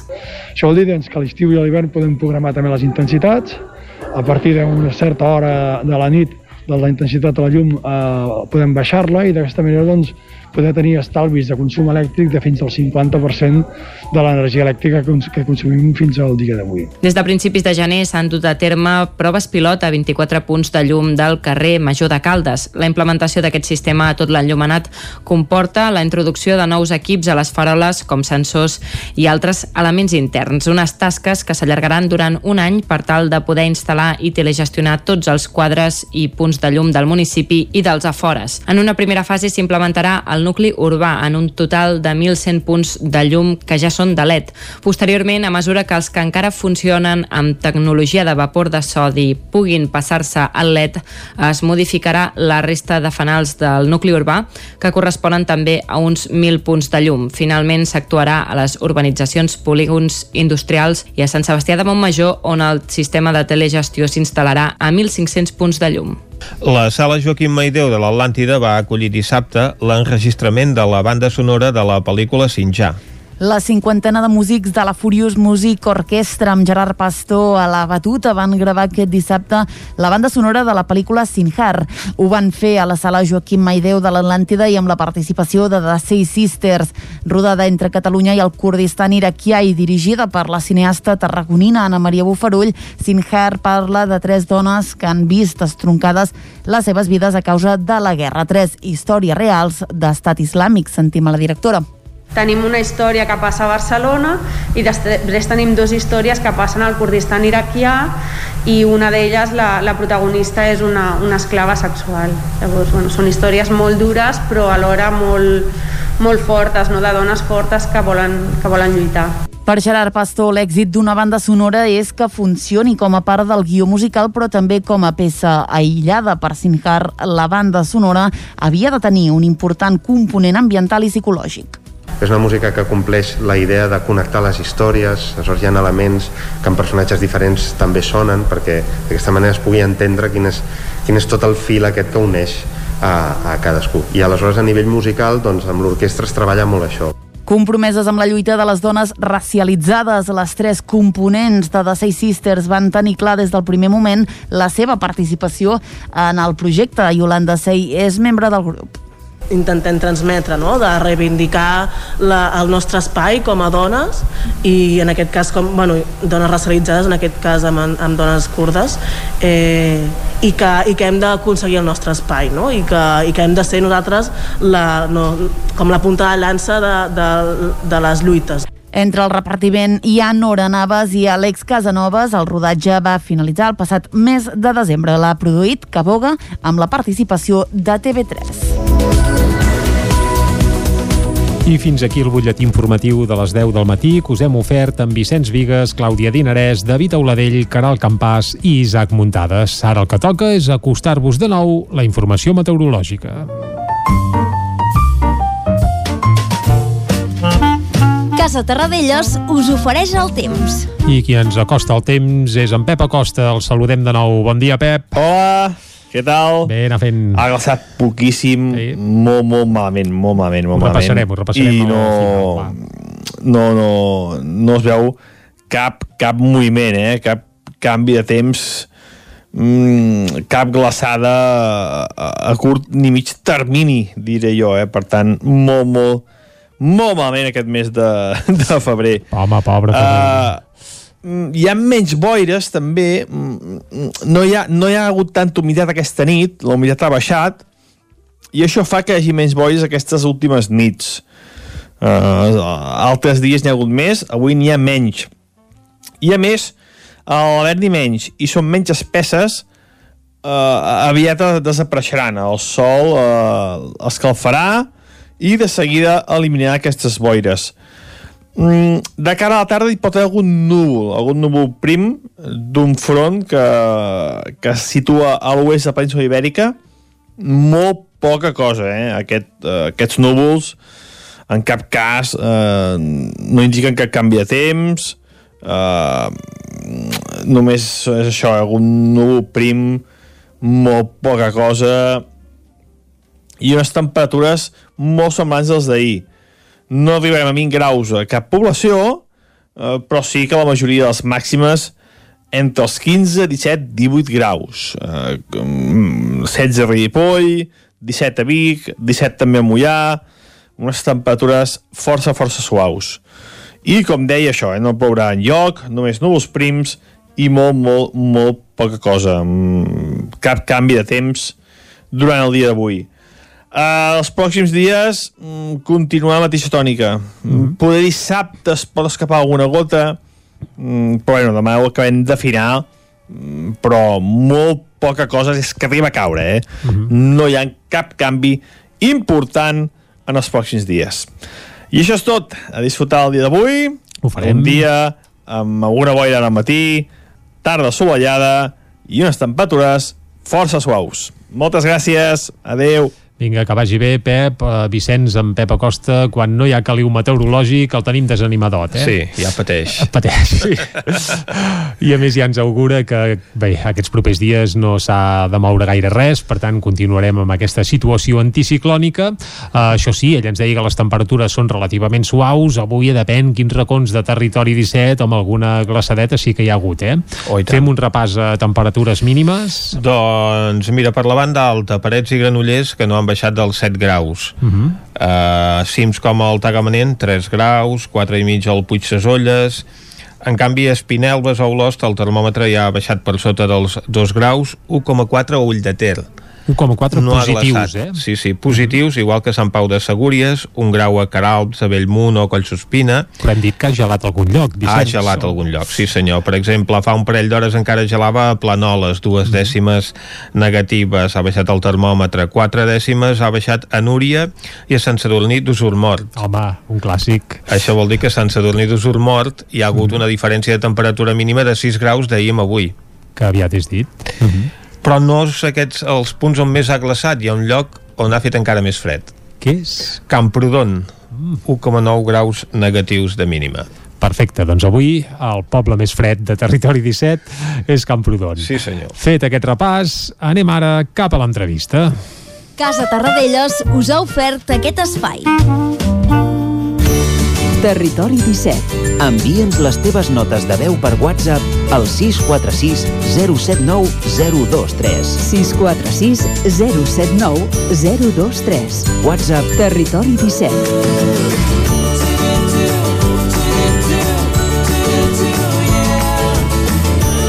Territori 17. Som a Facebook, Twitter i Instagram amb l'usuari Territori 17.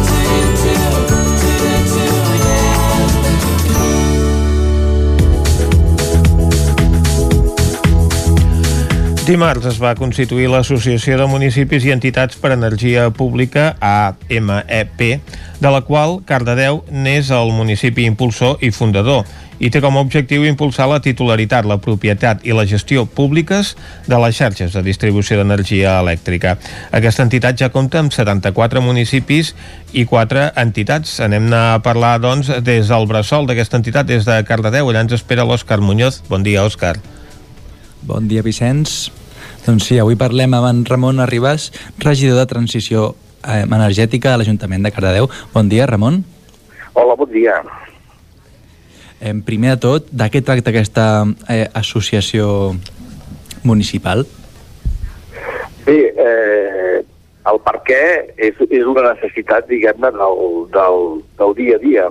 És evident que el, el canvi climàtic, el tema de la nova situació energètica, per, per, pic del, del petroli, eh, forma part de la nostra quotidianitat. Ho hem vist, per exemple, amb l'augment dels preus, sense cap manera de poder intervenir en la determinació del preu de l'electricitat ara fa poc, i tot el tema doncs, diguem de la contaminació, que en, en alguns dels municipis doncs, és una de les principals causes de, de mortalitat i, per tant, de la qualitat de vida. No?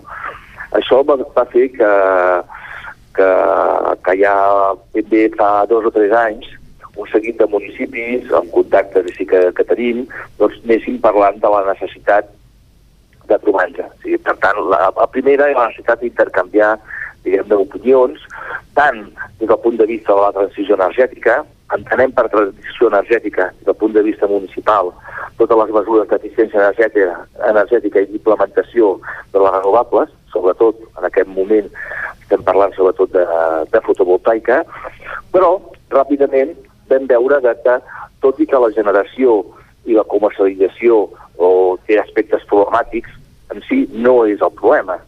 Eh, en canvi, amb la distribució, el que és amb la xarxa, entenem que sí. Està obert el debat i nosaltres entenem que eh, eh, la xarxa és en aquest moment el quid de qüestió i nosaltres reclamem la titularitat pública municipal de la xarxa de distribució de l'energia elèctrica. Uh -huh. Això va ser el que ens va portar a un seguit de municipis a parlar-ne, a veure la necessitat de, de crear una associació. Eh, per què? Doncs, sobretot per, per actuar com a lobby és a dir, com a una eina de pressió i per poder intervenir eh, en el debat, això d'una banda, sobretot prendre part de les decisions d'aquesta necessària eh, nova model final que ha d'haver-hi sobre la distribució, és a dir, la, la, la xarxa. Mm, I aleshores l'objectiu d'aquesta associació seria que els usuaris, els abonats, doncs s'apuntin a aquesta companyia pública? Bé, nosaltres ara, en aquest moment, l'associació és una associació de municipis, entitats, uh -huh. eh, entitats eh, perquè ens entenguem, estem parlant doncs, en aquest moment de l'Associació Catalana d'Enginyers, l'Associació de Micropobles de Catalunya, l'Associació Nacional del Consumidor. Estem parlant sobretot en aquest moment d'una xarxa de municipis vale? i d'entitats públiques. Eh? Per tant, en, en aquest moment nosaltres el que fem una crida és a, a que s'associïn al màxim de municipis, en aquest moment és eh, l'associació és d'àmbit català, uh -huh a veure, sembla que hem perdut una mica la veu d'en Ramon, sí? a veure si és possible. Ara, ara, perfectament. Em, em sentiu sí, ara? ara et sentim perfectament. Ara sí. Sí, de, sí de, de població estaríem parlant gairebé que hi ha un 50% de la població catalana representat via municipal, però, com, com deien, en aquest moment és una associació, diguem municipal, que el que està reclamant és, sobretot, és mm, que seria un, seria una, un pla mm, un pla que, hi ha un component jurídic, que és una miqueta el, el tema de promoure la titularitat, la propietat i la gestió pública de la xarxa de distribució de l'energia elèctrica. Això és un primer punt. L'altre, evidentment, estem compromesos i per tant és un fòrum d'intercanvi d'experiències i també pot ser de compres i, mm, i de dissenys de la transició cap a un model energètic més just, democràtic sostenible i per tant és un espai també d'intercanvi de, de coneixements i d'experiències. Val? Aquest seria una miqueta els objectius de l'associació municipal. Uh -huh. eh, la legislació que, que regula aquest sector energètic és d'àmbit eh, estatal. Com es farà doncs, per poder canviar aquest, per fer un canvi normatiu per poder canviar aquestes noves no, polítiques Bé, eh, eh, eh, la, la, és una bona pregunta, eh? Hi ha un àmbit estatal de la legislació, però hi ha un àmbit europeu. Val? Aquest debat és un debat que s'ha produït a diversos estats europeus, uh, un dels més recents ha estat el tema d'Alemanya, i on s'ha de donar s'ha donat la raó a que la titularitat ha de ser municipal. Per tant, nosaltres entrem ara amb un, amb un camí primer intern de, de definició nostra, però um, ja el tenim molt madur i una miqueta la, la nostra línia és reclamar, d'entrada, reclamar a les companyies que la titularitat és nostra. Nosaltres entenem que aquí hi ha hagut, si em permeteu l'expressió una mica grossuda, una certa usurpació de la xarxa. He de parlar molt que la xarxa sigui d'ells. Nosaltres entenem que la xarxa és municipal.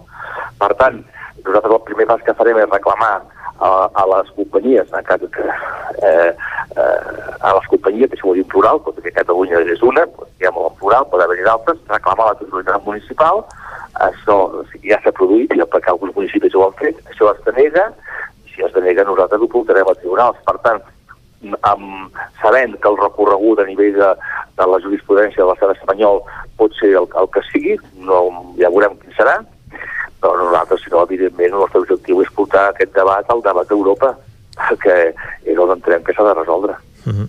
Entenem que també voleu potenciar doncs, l'autogeneració la, d'energia de manera doncs, eh, renovable, amb fonts eh, renovables. Eh, una... Evidentment, sí.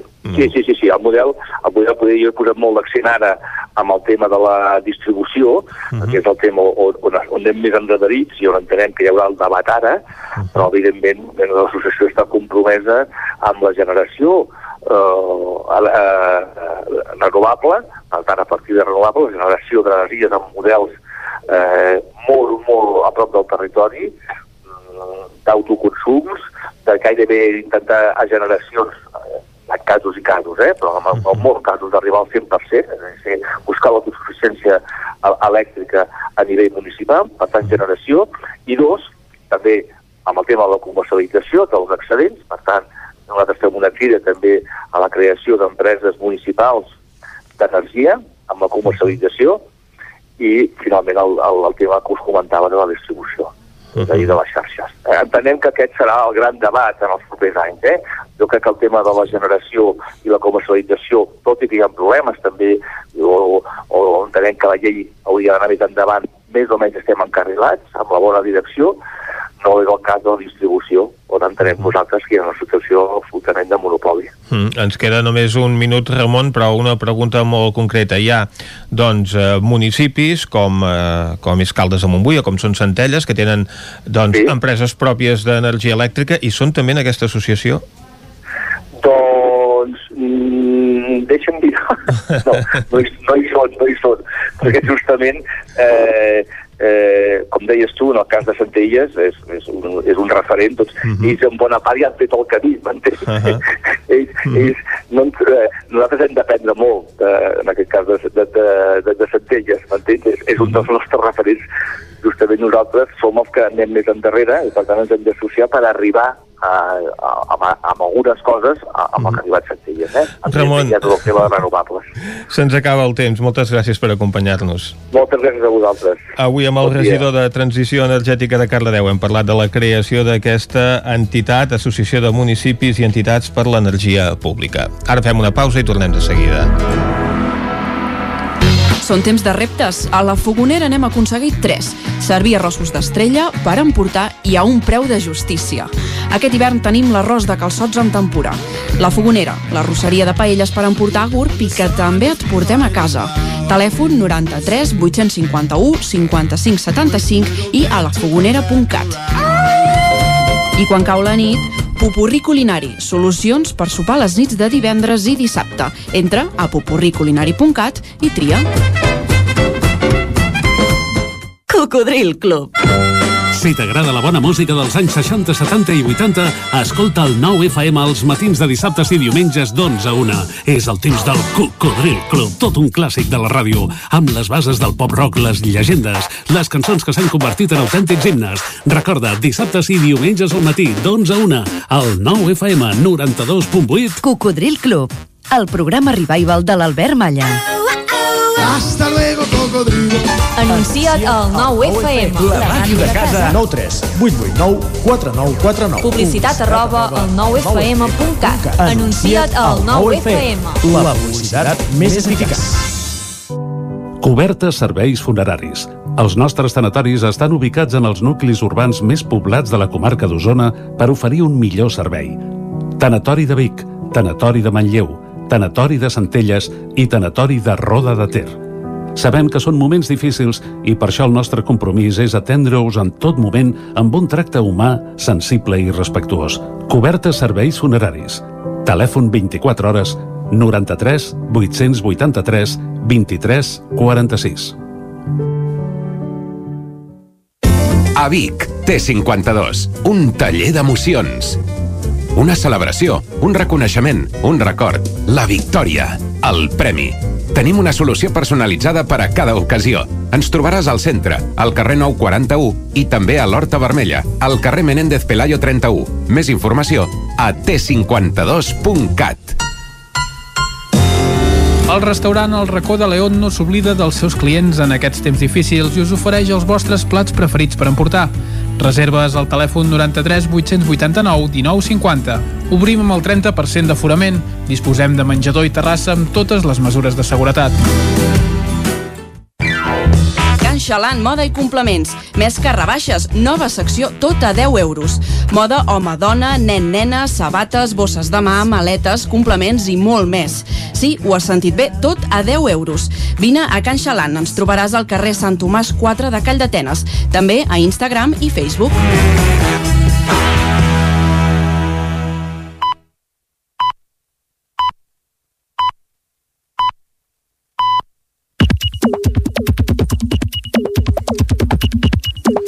Són dos quarts onze i ja tenim a punt a l'Isaac Moreno perquè ens faci una ullada als uh, tuits més destacats d'avui.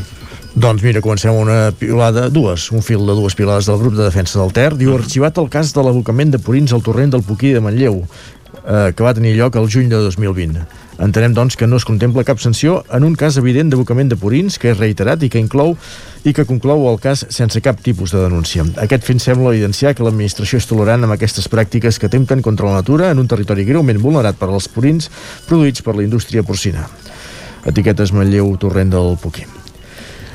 Uh, més qüestions. Montse Ferrés piula aquests, aquests dies, i en parlarem ara a la taula de redacció, aquests dies ja en renova la guixa per aquest pas alternatiu que no agrada als veïns de Montanyol i Santa Eulàlia. Diu, la Montse Ferrés diu Ajuntament de Vic, els vostres veïns de la Guixa malgasten els ous. A mi m'han ensenyat que el menjar no es llença, i menys contra un cotxe en moviment. Etiqueta la Guixa, panxa peluts maleducats i que no siguin pedres?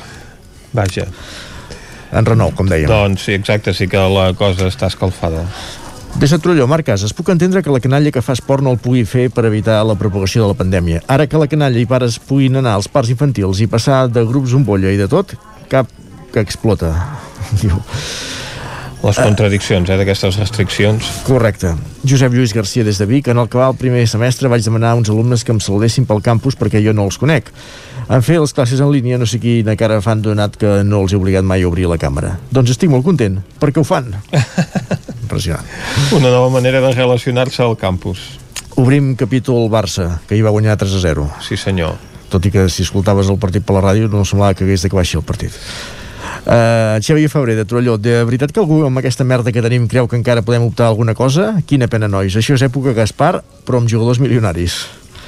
Xavi Verdolet diu, veus, si el Barça pot fer 3 gols en una part, vol dir que en pot fer 6 en les dues, o sigui, que a París encara n'hi sobrarien dos. Aviam, on és el problema? Bé, un dels cuers de la Lliga Espanyola, diguem, no seria el mateix que el PSG. Sí, m'agrada l'optimisme d'en Verdolet. Encara en capítol Barça, però no del partit, Gerard López diu Soc jo o en Gerard Piqué fa més tuits en català? Cosa que em sembla molt rebé. Entre parèntesis posa. Albert Cuesta, eh, els mitjans de comunicació continuen disparant-se al peu. Fan amb l'entremat de Facebook el mateix que amb els feixistes de Vox, donar-los oxigen, parlar contínuament d'ells, de les plataformes tòxiques, a més molt relacionades entre elles, s'haurien de silenciar i no promoure. Continua el fil compartint una fotografia de Zuckerberg, l'amo de Facebook, amb Donald Trump. I, i, i encara eh, eh, el que fa enquesta amb una altra piolada és, no, és demanar que la gent doncs, deixi de banda Facebook, eh, WhatsApp, Instagram. Li respon Pere Camproví Dona alternatives per marxar de WhatsApp i perdre tots els contactes, marxar d'Instagram i ser un nàufrag, i enquesta diu, tinc publicats molts articles amb alternatives, amb una cerca web els pots trobar. Dit això, una vida que depengui de WhatsApp i d'Instagram no sembla gaire digna de ser viscuda. Carai. Déu-n'hi-do. Ramon Espadaler, eh, tuit luctuós en aquest cas. Aquesta matinada ens ha deixat en Josep Musull després d'una lluita tossuda i serena contra el càncer. Ens queda l'inesborrable record del pare de família, del servidor públic compromès amb Santa Eulàlia de Riu Primer, va ser alcalde del 99 al 2007, Mm. i del cristià coherent i compromès. Descansi en pau. Doncs ens fem ressò també d'aquesta nota luctuosa del que va ser alcalde de Santa Eulàlia de Riu Primer. Teresa Rossell es fixa en un titular de rac que diu Barcelona estudia trencar les onades de semàfors en verd per reduir la velocitat. I la Rossell que diu una de les poques alegries que tenim els de comarques quan baixem a la capital, fer tot Aragó en verd i ens la quiten. Barcelona... Uh, ahir explicàvem que en Pep Carol ha reiniciat uh, aquesta, uh, aquesta sèrie de, de piolades sobre paraules i expressions catalanes. Avui no, no, no les repassarem cada dia, però avui ens ha fet gràcia la resposta que té, per exemple, de la Mireia Genís. En Carol piola avui Didal i la Genís respon eh, el que s'ha perdut és el cosí i el Sergí doncs vinga, dues, tres més a la, a la butxaca i si et sembla que veiem poesia Francesc Mateu de Centelles feia dies que la plana de Vic no veiem el sol tan aviat bé, veure'l no el veiem tampoc avui però l'intuïm força bé i veiem els seus raigs a través dels núvols Bon dia, bon dia. Ara ja sí, a l'hora que ha fet la pilada encara no, però ara ja sí que l'hem vist el sol. Doncs d'aquella manera també, depèn, depèn dels llocs. Anem, si et sembla, a fer una ullada al que està dient ara mateix el 99.cat. Osona i el Ripollès. Canviar el nitrogen de referència. Unió de Pagesos vol canvis en l'assignació del nitrogen que es pot aplicar a cada cultiu en zones vulnerables que marca el decret de fertilització. Des del DART, però, no ho preveuen. Més, piolada, ai, més titulars, eh, vídeo de graven la banda sonora de Singer a l'Atlàntida de Vic, retiren nou projectils de la Guerra Civil a la Llera del Ter a Ripoll i les declaracions de Miquel Samper, conseller de Interior dimarts a Vic, s'ha de garantir la protecció dels agents que ens han de protegir. Per cert, que Samper torna a ser avui a Vic, en aquest cas, eh, per participar en una nova Junta de Seguretat Local. Vaja, que en 9 dies ha vingut tres vegades a Vic. Correcte. Doncs... Uh, més, a l'edició del Vallès Oriental, uh -huh. Lliçà d'Amunt adjudica la redacció del projecte d'urbanització del nou centre urbà. L'Ajuntament de Caldes adquirirà, adquirirà l'antic col·legi del Carme a través d'una permuta i Gallo recol·locarà a plantes catalanes el gruix de treballadors afectats pel trasllat de la producció de pasta seca. Molt bé, doncs Isaac, moltes gràcies. Eh, que bon dia. Nosaltres anem ara a la taula de redacció. Territori 17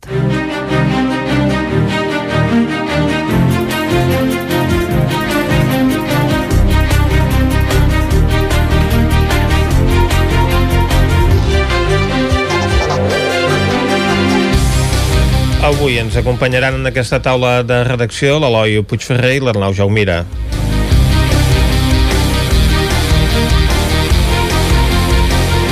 Comencem, Eloi, parlant de, de l'inici d'aquesta prova pilot per pacificar el carrer Major de Sant Fores. Això vol dir que el pas de vehicles s'estableix de forma alternativa i que, evidentment, els veïns de Santa Eulàlia de Riu Primer i els de Muntanyola, que viuen doncs, més enrere i han de travessar aquest carrer per anar doncs, a les seves poblacions, no estan massa contents. Doncs no, precisament contents no ho estan pas. Uh -huh. uh, ahir mateix estàvem presentant uh, un total de 951 firmes per reclamar a Ajuntament de Vic i a Diputació de Barcelona que es repensi aquesta alternativa, uh -huh. que ja va fer la prova pilot i que precisament des d'ahir a la tarda mateix ja està en funcionament. Uh -huh. el, ahir es van començar a pintar les línies, es van posar els semàfors en funcionament i des d'això, des d'ahir la tarda, aquesta alternativa, aquest pas altern ja, ja està funcionant i és això, no, no ha agradat gens ni als veïns de Santa Eulàlia ni als veïns de Muntanyola. Ells eh, reivindiquen de que això no se'ls ha consultat, de que no se'ls ha tingut en compte per res i uh -huh. precisament han fet aquesta recollida de firmes que destaquen sobretot que té molt valor pel fet de trobar-nos enmig d'una pandèmia. No han pogut fer cap Exacte. acte, no han pogut recollir firmes en cap lloc, simplement s'han dedicat a fer bustiades, a demanar gent, i totes aquestes firmes eh, destacava Pau Prat, el representant de la plataforma de veïns i afectats, que es tracta de gent que ha firmat amb voluntat de, de signar aquestes, uh, aquesta reclamació. Uh -huh. Ells diuen això és el seu únic accés a Vic, els hi altera la lliure circulació i diuen que més enllà de presentar aquestes firmes uh, tiraran per tres vies de reivindicació. Una reivindicació més forta, més amb manifestacions, marxes lentes uh, al, al pas altern, una via tècnica per aportar alternatives i proposar solucions que millorin i que es trobi en una situació millor per tothom i després una via legal perquè diuen que això flaqueja bastant i que no, no, té, no té molt sentit. Uh -huh.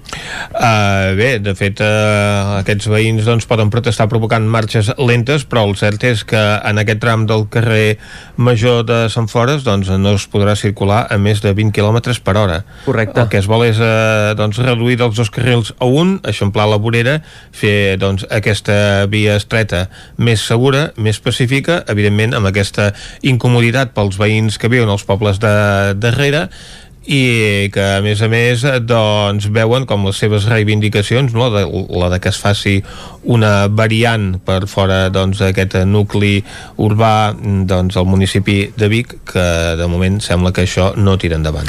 Ells ja ho diuen, ja ho categoritzen com un fracàs tècnic si no es troba una solució i si no es fa aquesta variant i és això que comentes, uh, la idea és reduir la velocitat uh, perquè es pugui sigui un, una, un tram pacificat pels veïns que hi puguin passejar i que més només hi pugui passar un vehicles en una direcció. Uh -huh. uh, clar, aquí està una mica el problema de que el que es queixen sobretot els veïns afectats Santa Eulàlia i Muntanyola és que se'ls farà parar, se'ls obligarà a perdre un temps i malgrat que, el, que aquests semàfors, aquests semàfors que donaran doble sentit eh, tindran càmeres i en principi estan previstos perquè no es facin aglomeracions ni hi hagin grans cues, bé, uh -huh. eh, ningú suposo que, que li agrada parar i de fet avui mateix ens, eh, ens arribaven fotos perquè els veïns de Santa Eulàlia ja s'han pres la justícia per la seva pròpia mà i quan passen uh -huh. o s'esperen al semàfor es posen a pitar eh, uh -huh. fent una mica culpables els veïns de la Guixa que precisament a la presentació ja ho deien, ells no tenen la culpa ells també són veïns afectats i cadascú té els, els seus problemes i després per l'altra banda els veïns de la Guixa també s'han pres la justícia per la seva mà i vehicle que pita ou que li tiren i avui ens arribaven fotos uh, de, bueno, sembla que, que ens, també hi ha una guerra oberta aquí. El que ens comentava ara mateix no, l'Isaac Moreno en aquest tuit, que hi ha una guerra oberta entre els dos bàndols, evidentment uns causen molèsties als altres i, i aquí sembla que ningú doncs, vol donar el seu braç a torça i la situació ara mateix que es complica. Marxes lentes, manifestacions, veurem com, com segueix, si s'acaba si trobant una solució, però de moment sembla que sí, que entre dos pobles veïns hi ha una guerra oberta per, per un pas altern pel mig del poble d'un. És uh, complicat. Uh, exacte, aquest és el, el problema. Els veïns de Santa Eulàlia de Riu Primer no tenen altre remei que passar pel mig de Sant Fores.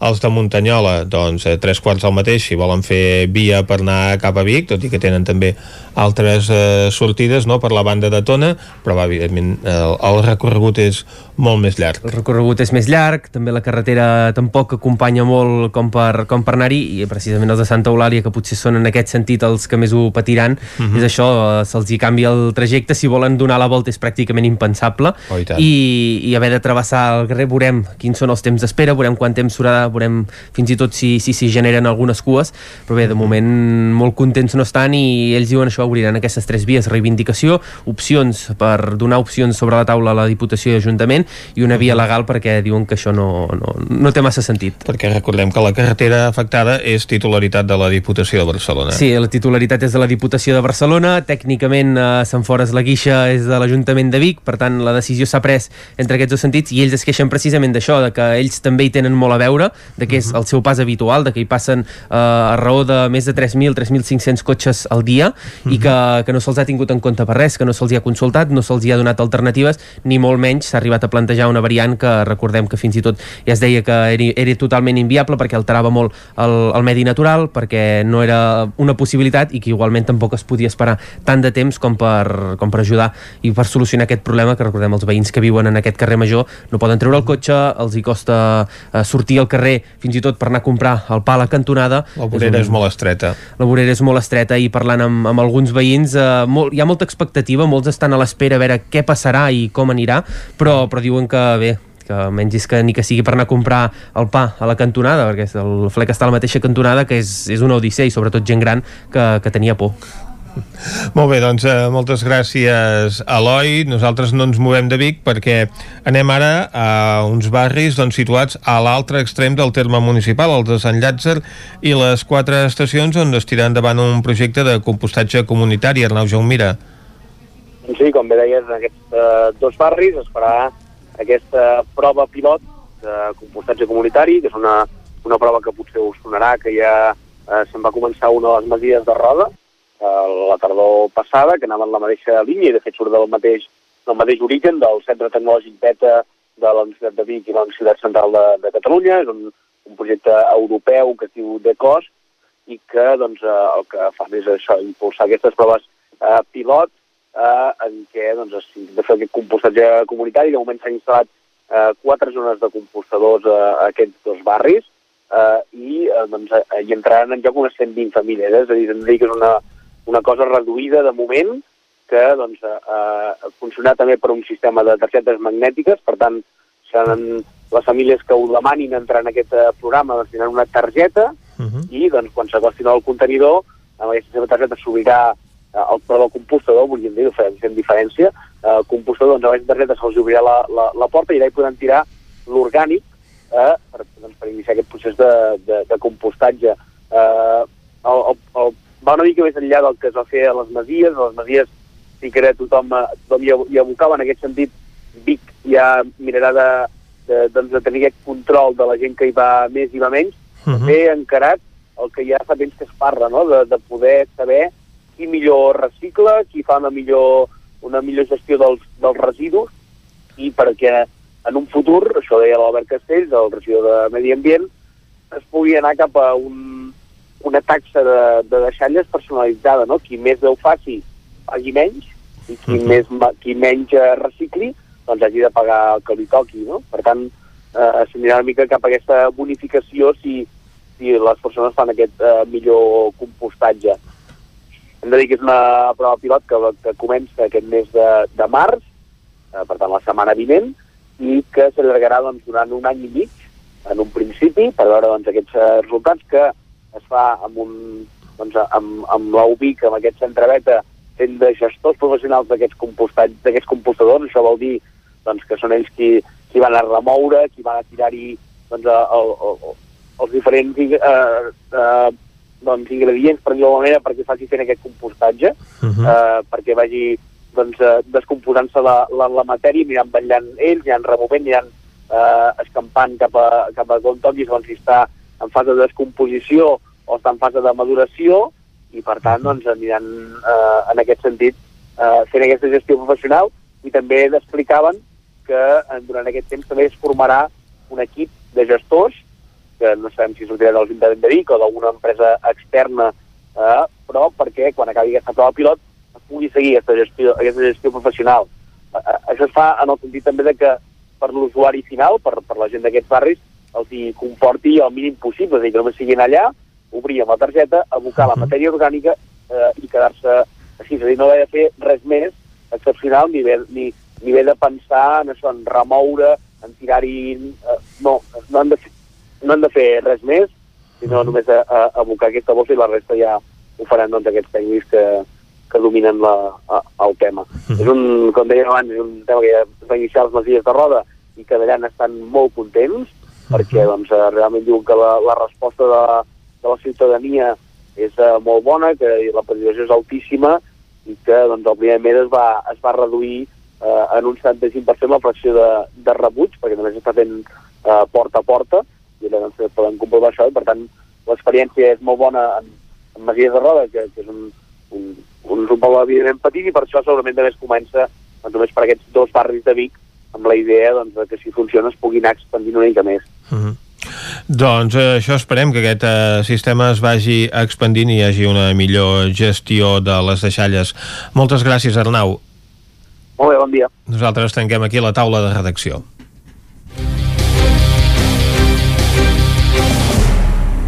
Territori 17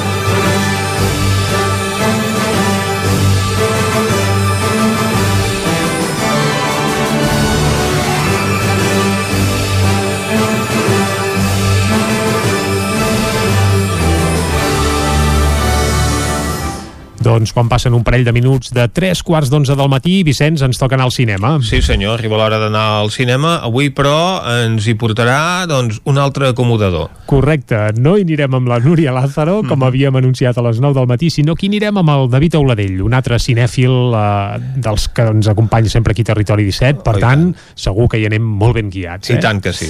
Uh, sí, ens hi capbussem? Anem cap al cinema. Aviam de què ens parla avui en David per arrencar-ho, això. Vinga, bon dia, bon David. Dia.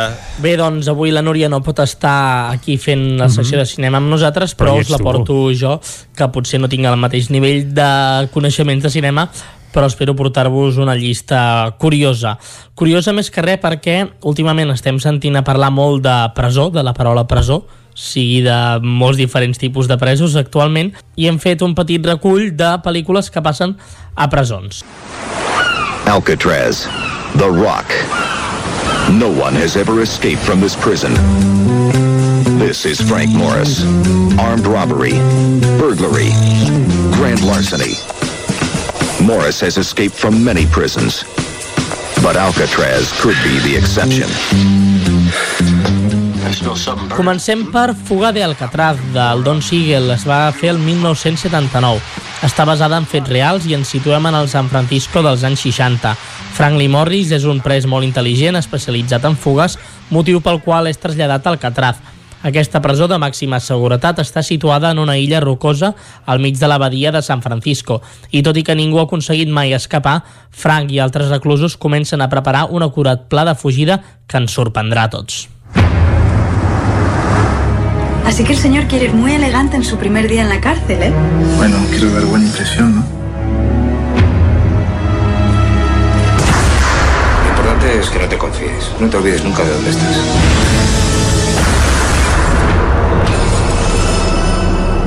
Vamos a meterlo a la 211. Mírame, no cierres los ojos. Ahí es aquí, déjalo, déjalo.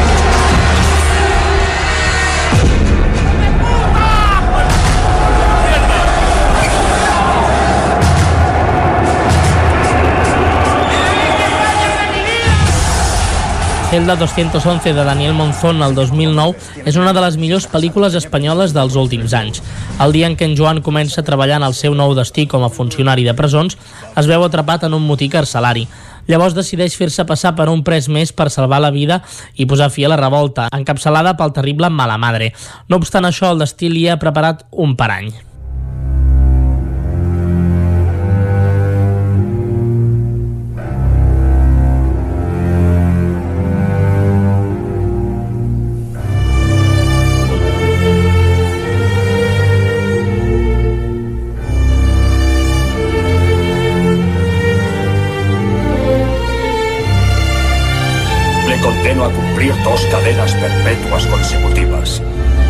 Por cada una de sus víctimas.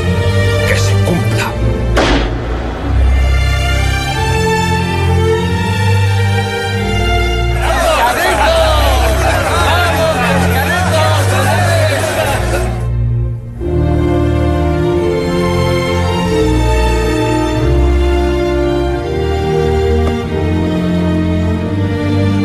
Tienes fama de ser un tipo muy frío. I segur que heu sentit a parlar molt de Cadena Perpètua de Frank Darabont del 1994. És tot un clàssic del cinema carcelari. En aquesta pel·lícula, Andreu Dufresne és enviat a la presó de Shawshank acusat d'assassinar la seva dona i condemnat a cadena perpètua. Amb el pas dels anys aconseguirà guanyar-se la confiança del director del centre, així com el respecte dels seus companys de la presó, especialment del Xarxa, el cap de la màfia de tots els suborns. Impossible to imagine a more exciting film, says Rona Barrett. Rex Reed called it a colossal triumph. Months before its release, it stunned and overwhelmed a special preview audience. It's the movie they couldn't wait to talk about. The movie is Midnight Express.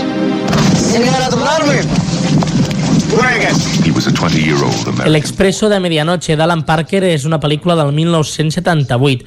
Aquest film, basat en els fets reals, explica la història d'un jove nord-americà detingut a l'aeroport d'Estambul quan es disposava a pujar a un avió amb diversos paquets de xís. Per això haurà de complir 4 anys de presó. Dins de la presó i d'aquests 4 anys patirà les atrocitats d'un sistema penitenciari brutal i totalment inhumà.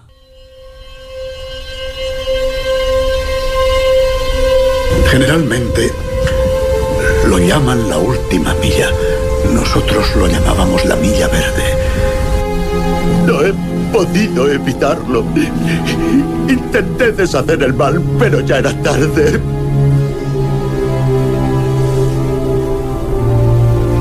Cansado de recorrer el mundo solo como un gorrión bajo la lluvia. Cansado de no tener un amigo con quien estar, que me diga a dónde vamos, de dónde venimos y por qué. La milla verde de Frank Darabont, el 1999, és una pel·lícula basada en el llibre de Stephen King titulat El passadís de la mort i Paul Edgecombe és un funcionari de presons encarregat de vigilar l'anomenada milla verda. Aquest nom respon a un passadís que separa les cel·les dels reclusos condemnats a la cadira elèctrica. Entre els seus presos, Edgecombe té un personatge amb poders sobrenaturals, un pres que no dubta que els miracles existeixen fins als llocs més inversemblants.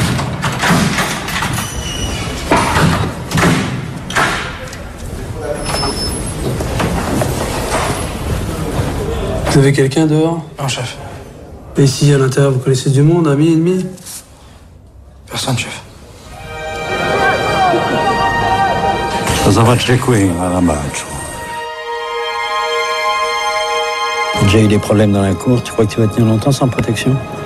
Il y a un mec qui t'a parlé, tu le connais? Pourquoi? Si tu le tues pas, c'est moi qui te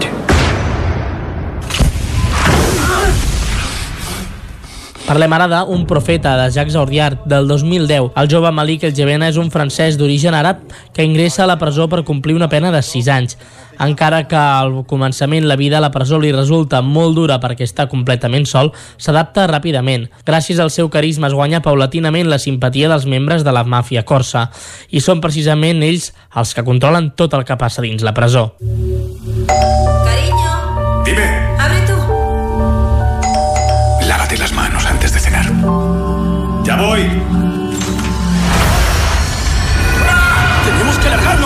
Venga. El caso Shelton, ¿cómo va? Hay que llegar a un acuerdo. ¿Mataron a la cría? Más vale algo de justicia que nada. Tienes que decírselo al marido. No lo entiendo. Con la declaración de Darby, Ames irá al corredor de la muerte. ¿Qué? ¿El jurado me creerá? Ya hemos llegado a un acuerdo, lo siento. Así es como funciona la justicia.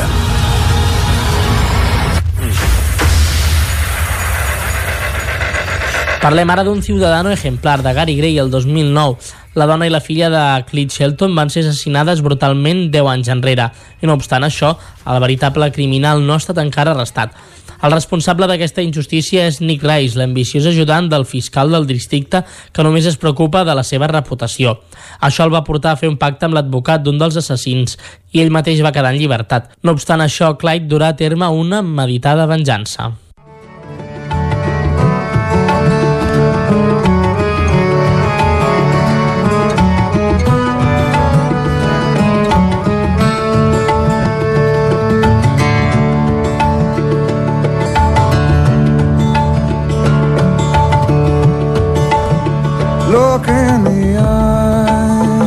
The face of love. Look in her eyes, for there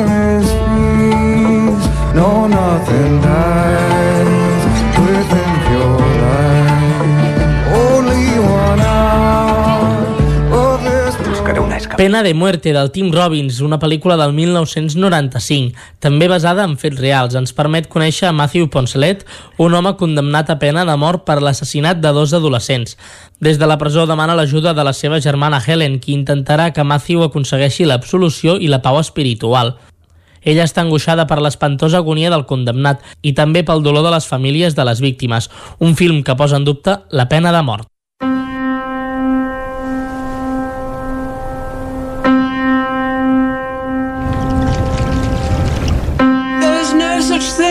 Political murder, political bombing, or political violence. There is only criminal murder, criminal bombing, and criminal violence. We will not compromise on this.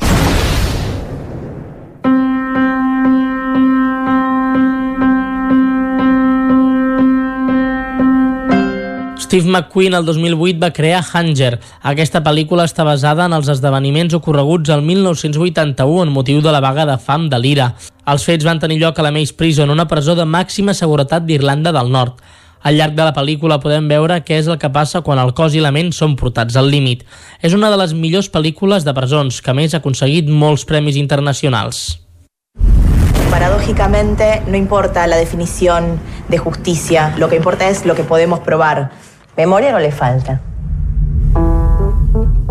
¿Tendría algún reparo moral en defender a alguien que usted supone autor de un delito? Según lo que dice la ley, eh, todos somos inocentes hasta que se demuestre lo contrario. con lo cual deberíamos estar hablando de un supuesto. Usted es mi abogado. Sí, ¿por qué? ¿Tienes algún problema con las rengas? I acabem amb Bajo el peso de la ley de Jim Jarmusch, el 1986. Tres homes desconeguts entre si són arrestats a New Orleans i ubicats a la mateixa cel·la. El que els uneix als tres és que no han comès els crims dels que són acusats. A poc a poc s'estableix una relació entre tots tres, tot i que entre ells hi ha alguns reptes o rifirrafes. No obstant això, un d'ells traçarà un pla per escapar-se, que s'hi uniran posteriorment els altres dos. No t'ho perdis. Estrenes de la setmana. Abans de començar, us comentem que aquesta setmana al Cinema Sucre no té estrenes, però segueix en cartellera les estrenes que us vam comentar la setmana passada i que podeu consultar a la seva pàgina web.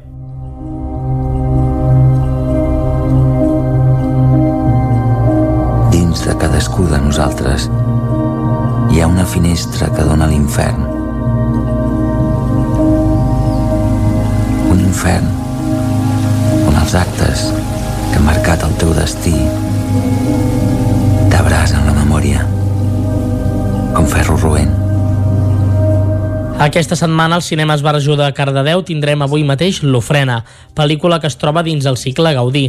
La sessió serà a les 8 del vespre i la protagonista és la Violeta, una prestigiosa psiquiatra que rep una visita inesperada a la seva consulta. Es tracta de la Rita, la dona del Jan, un antic amor d'adolescència de la Violeta que va marcar la seva vida després d'abandonar-la de manera traumàtica 20 anys enrere. La Rita visita la Violeta amb el pretext de recuperar l'amor del seu marit. No obstant això, el que la Violeta desconeix és que aquesta visita és el primer pas del Jan per intentar reescriure la seva història.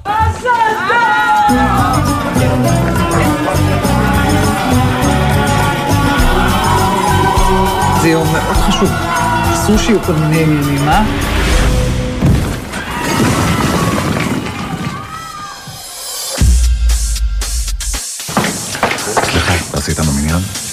I divendres i dissabte a les 8 del vespre i diumenge a les 7 de la tarda estrenen El balcón de las mujeres, en versió original subtitulada al castellà. Gira entorn d'un accident durant una celebració religiosa que provoca una disputa en una comunitat ortodoxa de Jerusalem. Quan el balcó de les dones de la sinagoga s'esfondra, l'esposa del rabí cau en coma. El rabí queda en estat de xoc i la comunitat entra en crisi. Un jove i carismàtic rabí apareix per ser el salvador de la comunitat després de l'accident, però aviat descobreixen la seva realitat conservadora i misògina. Venga, dale, dale, dale, dale, Hermanita, que esta noche tampoco yo con los nanos. A ver, por favor, ¿les das tú la cena? Venga, venga, Rosita, venga, venga, mira, mira, ahí ya está. Yo le pego un telefonazo, pero pásate tú por el piso ¿eh? y controla que lo haga bien. Nada, solo recordarte que tu padre tiene análisis esta semana con nosotros. ¡Vamos! ¡Vamos! Que es por lo de papá, mi amor, que a mí me viene fatal. Venga, no te pares. Venga, venga, Rosita, venga, venga, mira, venga. Papi, ¿qué haces aquí? He pensado que me vengo aquí. ¿Cómo? Aquest cop és el cinema Comtal de Ripoll qui oferirà demà a dos quarts de vuit del vespre la boda de Rosa dins el cicle Gaudí. Recordem que en aquesta pel·lícula la Rosa, a punt de fer els 45, s'adona que ha viscut sempre pels altres i decideix marxar, deixar-ho tot i prema el botó nuclear. Vol prendre les regnes de la seva vida i complir el somni de tenir un negoci propi, però aviat descobrirà que el seu pare, els seus germans i la seva filla tenen altres plans i que canviar de vida no és tan fàcil i senzill si no està en el guió familiar.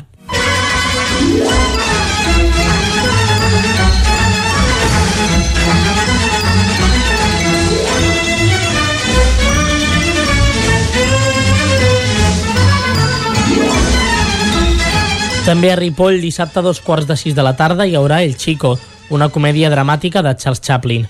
Una dona d'escassos recursos ha tingut un fill soltera i al sentir-se abandonada pel pare de l'infant, decideix també ella abandonar el nadó, amb l'esperança que una família rica l'agafi en adopció. Però el petit acabarà en mans d'un rodamont que aviat li agafarà estima i decidirà tirar-lo endavant com sigui. Quan el nen anomenat ara John arriba als 5 anys, la lluita per la supervivència i per romandre junts serà tota una aventura. El cuerpo de la víctima presentaba siete heridas de diferente profundidad, pero todas ellas fueron provocadas por el mismo objeto cortante tipo cuchillo de cocina. Señorita Bataille, ¿cuál era su relación con la víctima, Flora Dufour? Ella era mi mejor amiga. Afirma entonces que usted no agredió ni asesinó a Flora Dufour. Así es. I divendres, dissabte i diumenge hi haurà al cinema Comtal de Ripoll a un quart de vuit del vespre La xica del brazalete. La protagonista és l'Alice, de 16 anys, que està acusada d'haver assassinat la seva millor amiga. Durant el judici, els seus pares la defensen de manera indestructible. Malgrat tot, a mesura que la seva vida secreta comença a descobrir-se, la veritat es converteix en una cosa indiscutible. I això és tot de les estrenes d'aquesta setmana. I quan són les 11 i gairebé 4 minuts del matí, deixem el cinema i torna la informació de les nostres comarques, les comarques del Ripollès, Osona, el Moianès i el Vallès Oriental. Territori 17, amb Vicenç Vigues i Jordi Sunyer.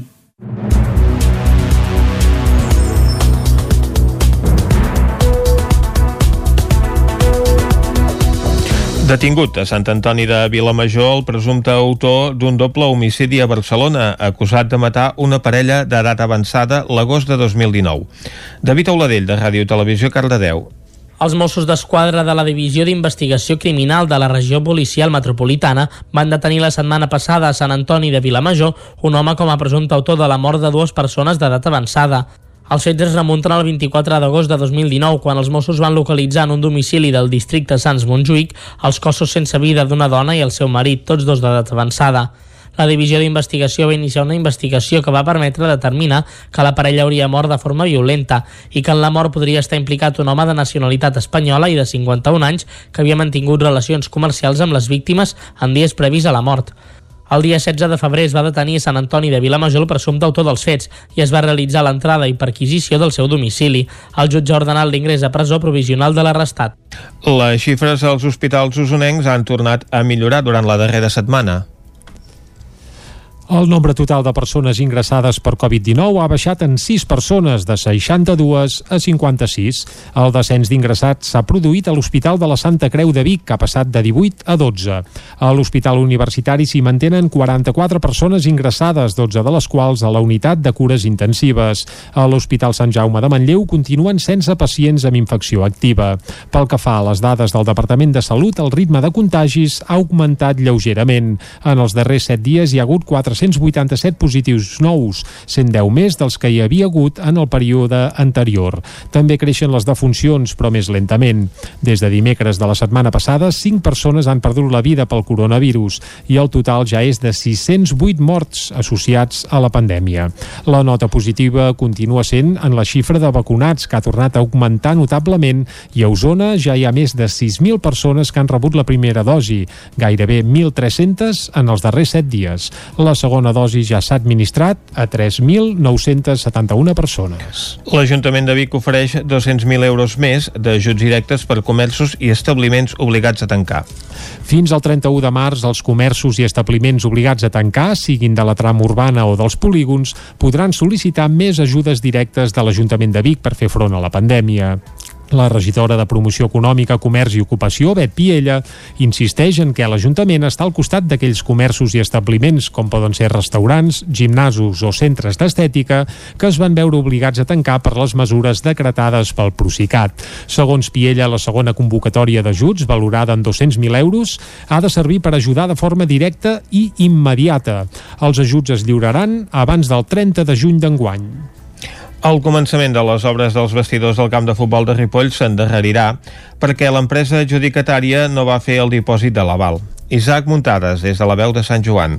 Males notícies pel que fa a la construcció dels nous vestidors del camp de futbol de Ripoll, que en principi havien de començar aquest mes de febrer, però que es podrien endarrerir algunes setmanes o algun mes. L'anunci va venir per part de l'alcalde de Junts per Ripoll, Jordi Monell, arran d'una pregunta del regidor d'Esquerra Republicana de Catalunya, Lluís Oriols, que va demanar-li si podien fer-los arribar als terminis i al projecte per fer-ne un seguiment, atès que havien vist com en una junta de govern local s'havia fet l'adjudicació dels nous vestidors per un import de 520.000 euros. Monell va detallar la problemàtica que havien patit. És que l'empresa a la qual s'adjudica aquest contracte no va complir les disposicions legals que li pertocaven. En aquest cas no va fer el dipòsit de l'aval pertinent. Al no fer el dipòsit de l'aval pertinent no se li ha pogut fer l'adjudicació definitiva. Qual cosa, doncs ara això ens comportarà que s'hagi d'adjudicar en l'empresa que va quedar en número 2. Per tant, això no podrem fer-ho de forma automàtica, perquè l'empresa que va quedar en número 2, l'import que va presentar era una mica més elevat que l'empresa número 1 i, per tant, aquest import ens dependrà del pressupost 2021. Fins que el pressupost 2021 2021 no estigui operatiu plenament, no podrem fer la modificació del pressupost per poder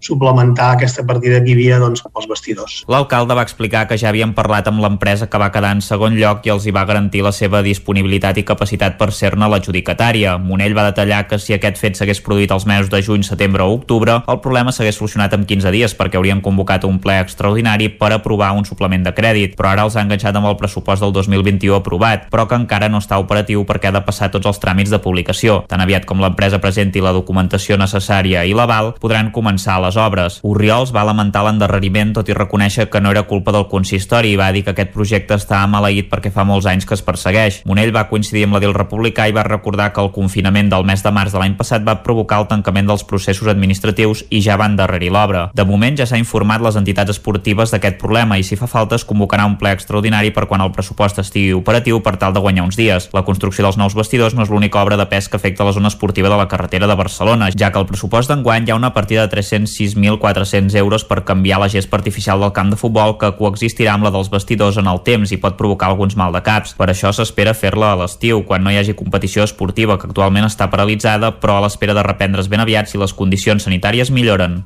L'Ajuntament de Caldes de Montbui ha adquirit l'antic edifici de l'Escola Pia de Caldes, actualment en desús, per destinar-lo a usos socials. Caral Campàs, des d'Ona Codinenca. L'Ajuntament de Caldes de Montbui ha arribat a un acord amb les germanes carmelites de la Caritat Badruna per tal que l'antic Col·legi del Carme passi a ser públic després de tancar algunes qüestions administratives que encara queden pendents, com un estudi topogràfic, està previst obrir un procés participatiu per decidir els usos que s'hi destinaran. L'adquiriment ha sigut gràcies a un acord de permuta a través del qual el consistori ha intercanviat quatre parcel·les dobles situades a Can Valls, que eren propietat municipal, i 30.000 euros. Sentim Isidre Pineda, alcalde de Caldes. L'haver fet una permuta, perquè com hem explicat el que hem fet és un canvi, un intercanvi de propietats, l'Ajuntament ha cedit quatre parcel·les a Can Valls la suma dels 30.000 euros, a l'haver cedit una part de propietats, eh, diguem-ne, on eh, catalogades per habitatge, aquest espai ha de tenir una part també eh, d'habitatge. L'any 1851 l'Ajuntament de Caldes va realitzar una petició a la comunitat de Badrunes de Catalunya. Gràcies a això, quatre germanes es van desplaçar a aquesta localitat per dedicar-se a cuidar malalts de l'hospital i a gestionar els balnearis. Sis anys després va ser quan es van començar a dedicar a l'ensenyament. Roser Bergadà és monja badruna. D'un senyor que es deia Avelino Xalabarder Serra, que era secretari de la Junta de l'Hospital i amb una ressenya de la història de l'hospital del 1914 doncs hi diu això de la, aquest contracte que van fer amb les Badrones. Existia l'hospital, però pensaven que les germanes gestionarien millor l'administració i els costos. Sigui que era una cosa...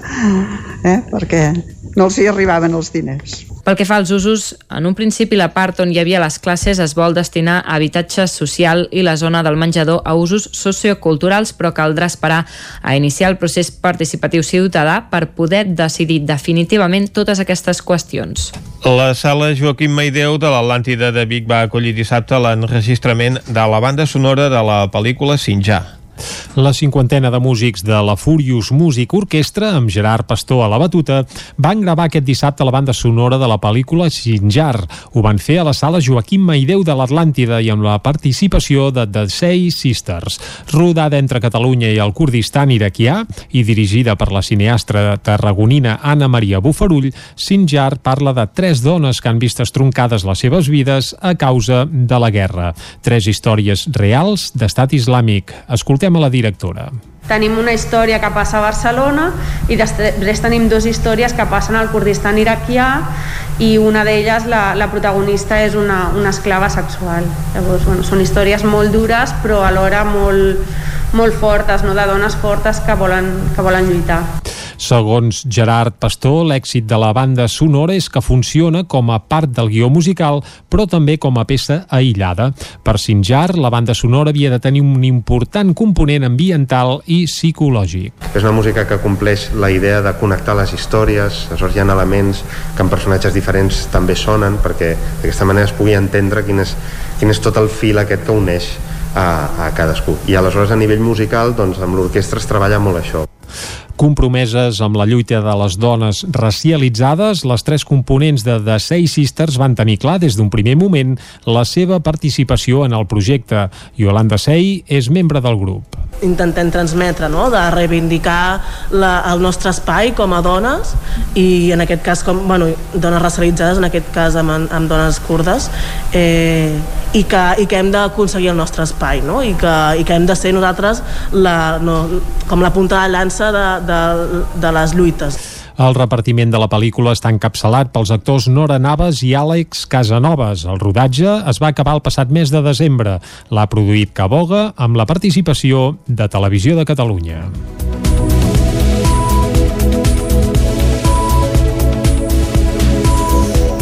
I fins aquí el butlletí informatiu de les 11 del matí que us hem ofert amb les veus de Vicenç Vigues, David Auladell, Caral Campàs, Isaac Muntades i Jordi Sunyer. I ara el que toca és fer una breu pausa i de seguida saludarem a la Cristina Enfruns, que cada 15 dies ens visita aquí a Territori 17 per ajudar-nos a parlar una mica millor el català. Mig minut i la saludem. Territori 17. Envia'ns les teves notes de veu per WhatsApp al 646 079 023. 646 079 023. WhatsApp Territori 17.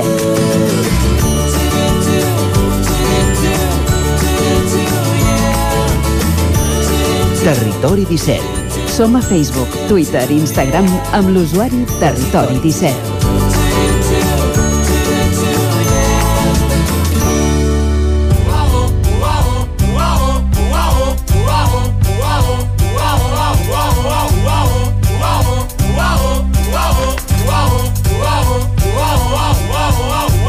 Sobren paraules Doncs vinga, els Antònia Font, que els hi sobren paraules, a la Cristina Enfruns no n'hi sobren mai, i quan és un quart de dotze del migdia, Vicenç, saludem la Cristina ja, no? Oh, i tant, és la seva hora aquí al Territori 17. Molt bon dia, Cristina. Bon dia. Bon dia a tots. Molt bon dia, molt bon, Bon dia. dia. Ajuda'ns a destrossar una mica menys el català. Va, avui, avui per on ho agafarem, això? Avui va, canviem ben bé de temàtica i en comptes de parlar de temes així, que també serà d'actualitat, però parlarem de menjar. Home, sempre està bé. Això de parlar Sí. de menjar ens agrada sempre. Exacte, doncs bé, va, com que hem de cuidar tant, eh, hem de cuidar la nostra dieta i procurem seguir una alimentació sana, un dels aliments que, que ha agafat gran, gran valor ara, que diu que ens l'hem de menjar perquè és molt sa, és el bròquil. Ah. No? Segurament que últimament heu sentit al costat de bròquil una altra paraula que és el bròcoli. Uh -huh. I podeu pensar, doncs bé, que aquest bròcoli potser sona una mica estrany, però que sapigueu que és un terme que no fa pas massa temps va, va introduir el termcat en, en, el, en els termes que, que són propis del català. Però hi ha una diferència entre el que és un bròquil i el bròcoli. És a dir, no sé és el mateix, eh? No és el mateix, no és el mateix.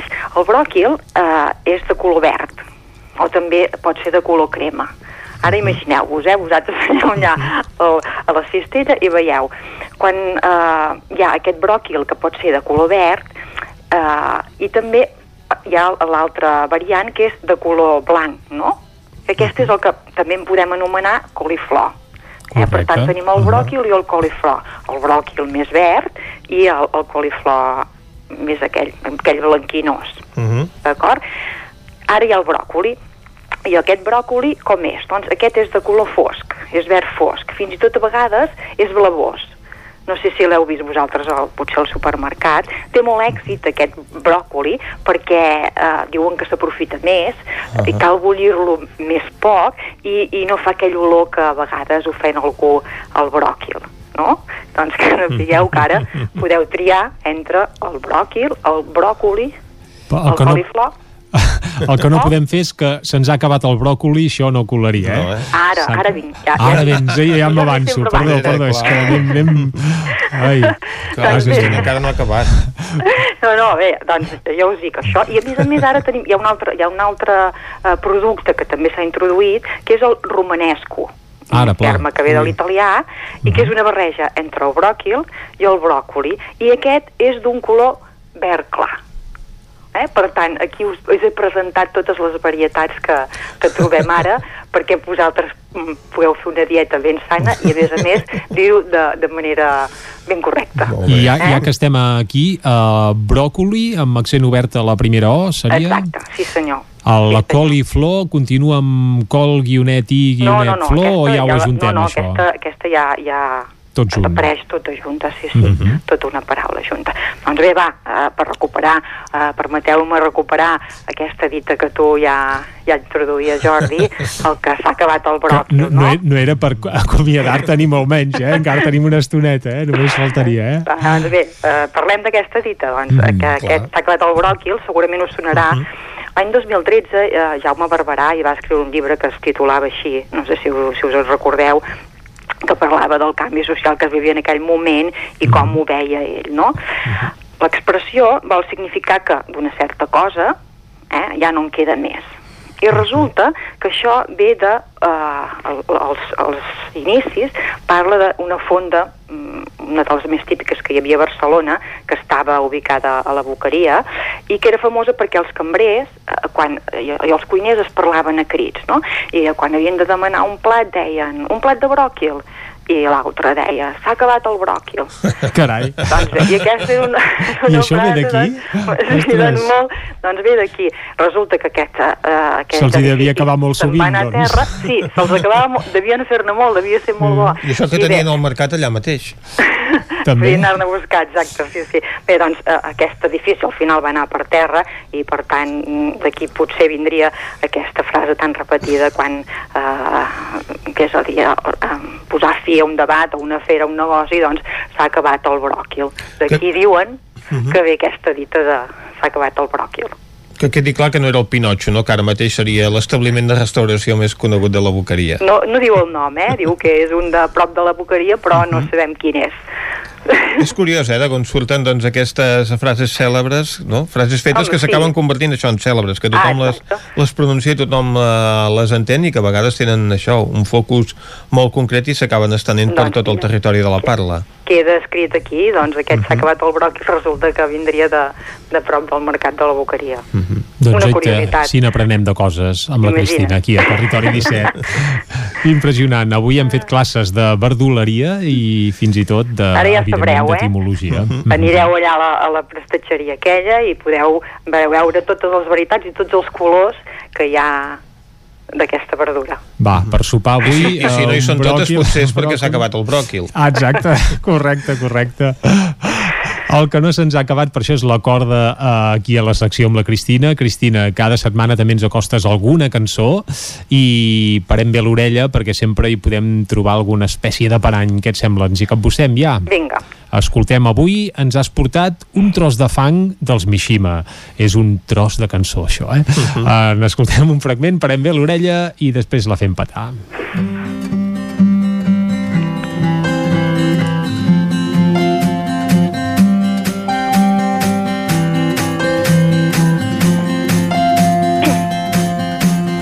no saps com em fas sentir com un ninot vora la caixa tan petit insignificant. A les teves mans un tros de fang. Tu no saps com em fas sentir com un idiota que compta el temps perdut entre un ja ens veurem i un avui no puc.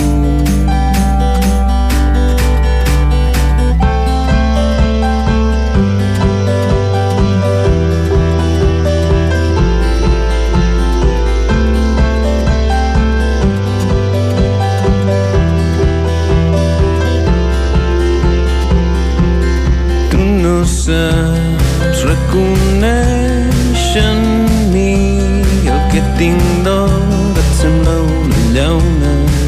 jo m'arrugo i vaig oxidant-me. El que trobo dolç a tu t'amarga. I per allargar la tonteria que ens cremava avui està ofegant-me. Nit per allargar tonteria que ens cremava avui està ofegant-me un tros de fang, un dels clàssics entre clàssics de Mishima, no falla mai als seus directes, és segurament la cançó més cèlebre del set tota la vida, un, el disc que els va, entre cometes, catapultar a la, a la fama. Cristina, ostres, la cançó és preciosa i, i home, pel que fa a lletra...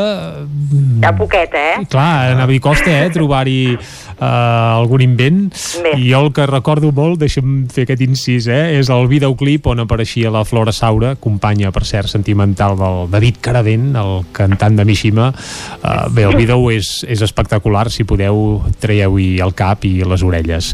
Ara, per això anem a, analitzar la cançó. Cristina, què hi ha aquí? Molt bé. Que no coli. Mm, hi ha alguna coseta, eh? però em- m'ha fet mm, gràcia, bé, he trobat important eh, parlar d'un un fet que moltes, hi ha, hi ha molt, mm, molt dubte a vegades si ho fem bé o no ho fem bé. I és aquest, eh, aquestes frases que diu jo m'arrugo i vaig oxidant-me o vull estar ofegant-me, aquest pronom feble que et demanen on hem de posar, a davant o darrere? És a dir, em vaig oxidar o es- m'està ofegant o ofegant-me, eh? M'enteneu el que vull dir? Sí, sí. Veure com hem de posar, si hem de posar davant o darrere. En aquest cas, quan són eh, així eh, formes compostes en què hi ha un infinitiu o un, o un gerundi, el pronom es pot col·locar tant al davant com al darrere, eh? I és un dubte que moltes m'han demanat moltes vegades. Uh -huh. okay, com ho hem de posar? És correcte més a davant? Doncs que sapiguem que, que tant el podem posar davant o darrere. En aquest cas, eh? Quan són aquestes formes compostes. Mm, per tant, mm, podeu fer-la servir com vulgueu, però m'ha fet gràcia aquí eh, doncs, remarcar-ho, si més no. Uh, o sigui que aquí estaria bé, estaria correcte, eh? I Mhm. res, hi ha un parell de cosetes, eh? Molt típic aquest el que trobo, eh? aquest, aquest el què, a- l'article el i el pronom, que pensem que no l'hem de fer interrogatiu, sinó que seria el, El que que. trobo dolç, a Mhm, tu t'amarga, i hi ha unes tonteries que uh, tenim moltes altres paraules per fer servir, que no, no posem aquest tonteries, que seria, en, en, hauríem de fer servir en contextos informals, ximpleria, beneiteria, rocada, bestiesa, poca soltada, absurditat, i, hauríem, i podríem evitar aquest tonteria. Fotesa, també. També, eh? Hi ha Home, moltes altres paraules ximpleria i calçaria perfectament. A fotesa no li veig, eh? Calçada aquí a la cançó. Tu sempre, Jordi, defensant aquesta... No, clar, s'ha de procurar que la lírica, vaja, calci amb la música, això és evident. Sí, Però sí. bé, hem de, hem de posar l'agulla allà on... Te, hem de clavar l'agulla allà on podem. Això és tot, eh? No, no, hi, he, no hi he trobat res més. Per tant, Cristina, uh, tonteria mm, no acabaria de ser un... Bueno, ho podem fer servir, però sí o sí en, en contextos informals. No és una paraula que trobem al diccionari. Qual, en, en, en, en cap diccionari trobarem la paraula tonteria, tot i que ja sabem que està molt i molt, molt, Molt estesa. Doncs potser serà qüestió de posar-la al diccionari, no pas de treure-la de la cançó dels Mishima. Segurament arribarà el dia aquest. Amb moltes paraules passa.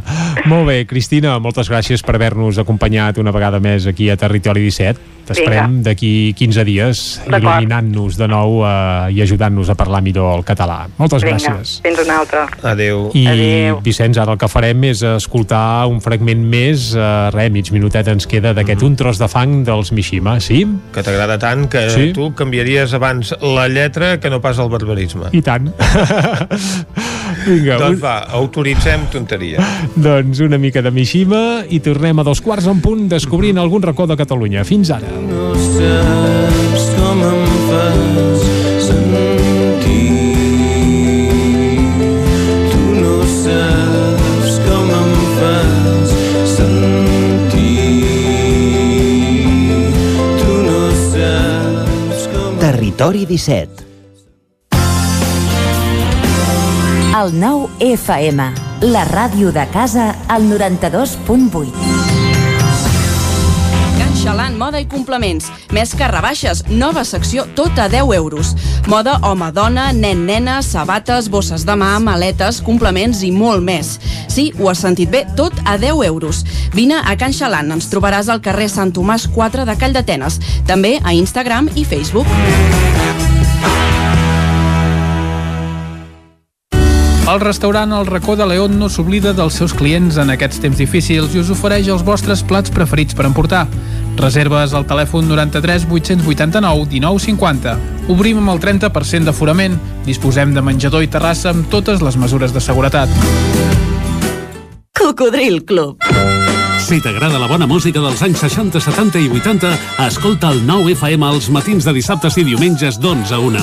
És el temps del Cocodril Club, tot un clàssic de la ràdio, amb les bases del pop-rock, les llegendes, les cançons que s'han convertit en autèntics himnes. Recorda, dissabtes i diumenges al matí, d'11 a 1, al 9 FM 92.8. Cocodril Club, el programa revival de l'Albert Malla. Hasta luego, cocodrilo. Cobertes serveis funeraris. Els nostres tanatoris estan ubicats en els nuclis urbans més poblats de la comarca d'Osona per oferir un millor servei. Tanatori de Vic, Tanatori de Manlleu, Tanatori de Centelles i Tanatori de Roda de Ter. Sabem que són moments difícils i per això el nostre compromís és atendre-us en tot moment amb un tracte humà, sensible i respectuós. Cobertes serveis funeraris.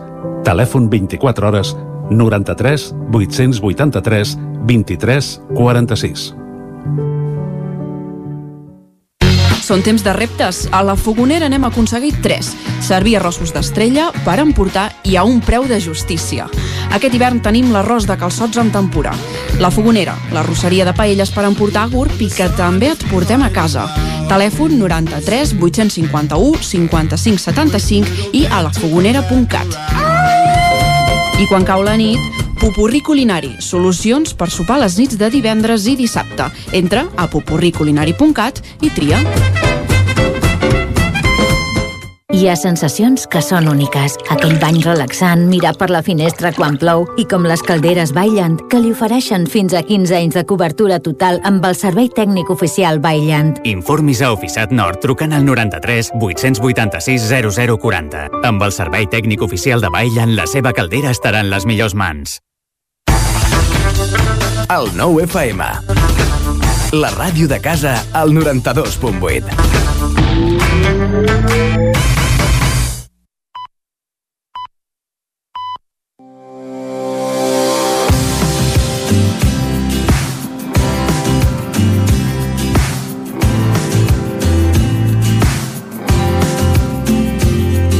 El terme municipal de Campelles es localitza a la zona del Prepirineu.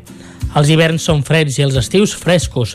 Tot i això, cal tenir en compte que el municipi es troba encaixat a la vall de Ribes, que presenta unes característiques pròpies diferenciades de la resta de la comarca. Les pluges del terme municipal es concentren a la primavera, entre abril i maig i fins a finals d'estiu. L'època seca és molt curta i es produeix durant l'hivern, principalment durant els mesos de gener i febrer, assolint valors molt inferiors. Al poble de Campelles, al sector occidental del terme, es troben uns extensos replans a la solapa de la Serra de la Llacuna, divisòria d'aigües del torrent del Prat de Jou amb el Rigart. Campelles és un poble eminentment rural que modernament s'ha envoltat de cases de segona residència. Al centre del poble hi ha l'església parroquial de Sant Martí, edificada al final del segle XVIII sobre el solar de l'antiga, gràcies als beneficis obtinguts de l'explotació del bosc. L'antiga església ja surt esmentada al 1035, quan el comte Guifré de Cerdanya la cedeix al seu fill. A Campelles hi podem trobar el Pont d'Angelats. És una obra popular inventariada. És d'un arc tot de pedra i amb baranes, a l'antic camí al Baell. Afluent per la dreta del Freser, a prop de la masia d'Angelats, per sota del pont dels ferrocarrils de Barcelona Puigcerdà. Les coves de Ribes són prop de l'antic establiment Perramont, en una paret espadada, propera a la carretera, que forma una gorja natural que deixa un pas just al riu, el tren i la carretera. El lloc forma com un pas natural per entrar a la vall de Ribes i és conegut amb el nom de l'estret de les Coves. Tenen l'entrada a la paret occidental i són fàcils de recórrer.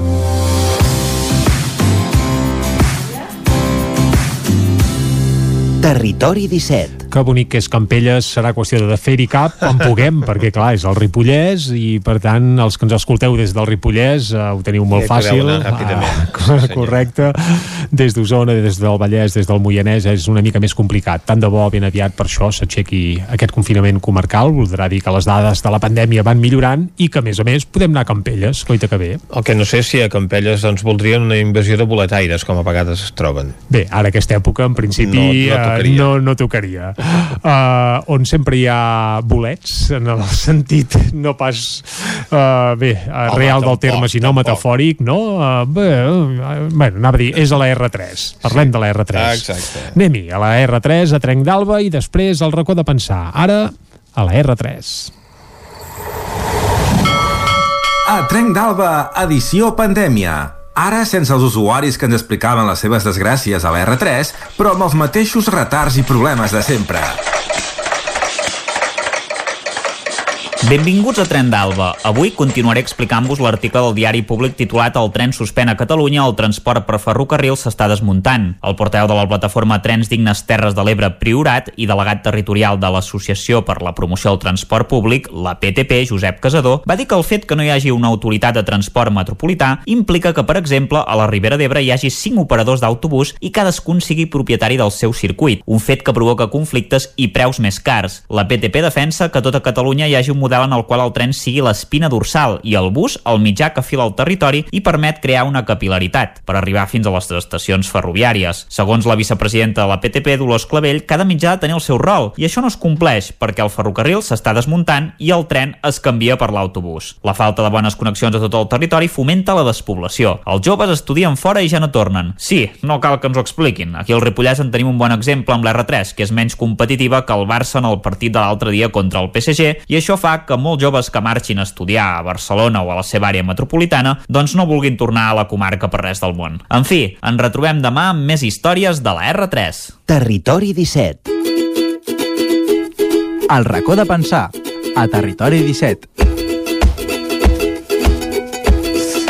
l'Isaac Muntades, que sempre ha de posar el dit a la llaga al Sí, Barça, senyor. eh? amb Sí. l'excusa del tren, amb l'excusa del que faci falta. Home, ahir que va guanyar i 3 a 0, escolta... eh, Com bé. si el, No- no el Real. Madrid anés a tota màquina, no?, en les competicions que disputa, perquè n'hi ha d'una de la que ja ha descarrilat. De Ah. moment el Barça encara no. Correcte, uh, per qui no estigui situat, eh? Isaac Muntades, tertulià madridista del Territori 17 els dilluns, però també el periodista que tenim a, al Ripollès. Bé, fet aquest apunt, per situar el personal, el que hem de fer ara és saludar la Maria López. Uh, Maria, molt bon dia.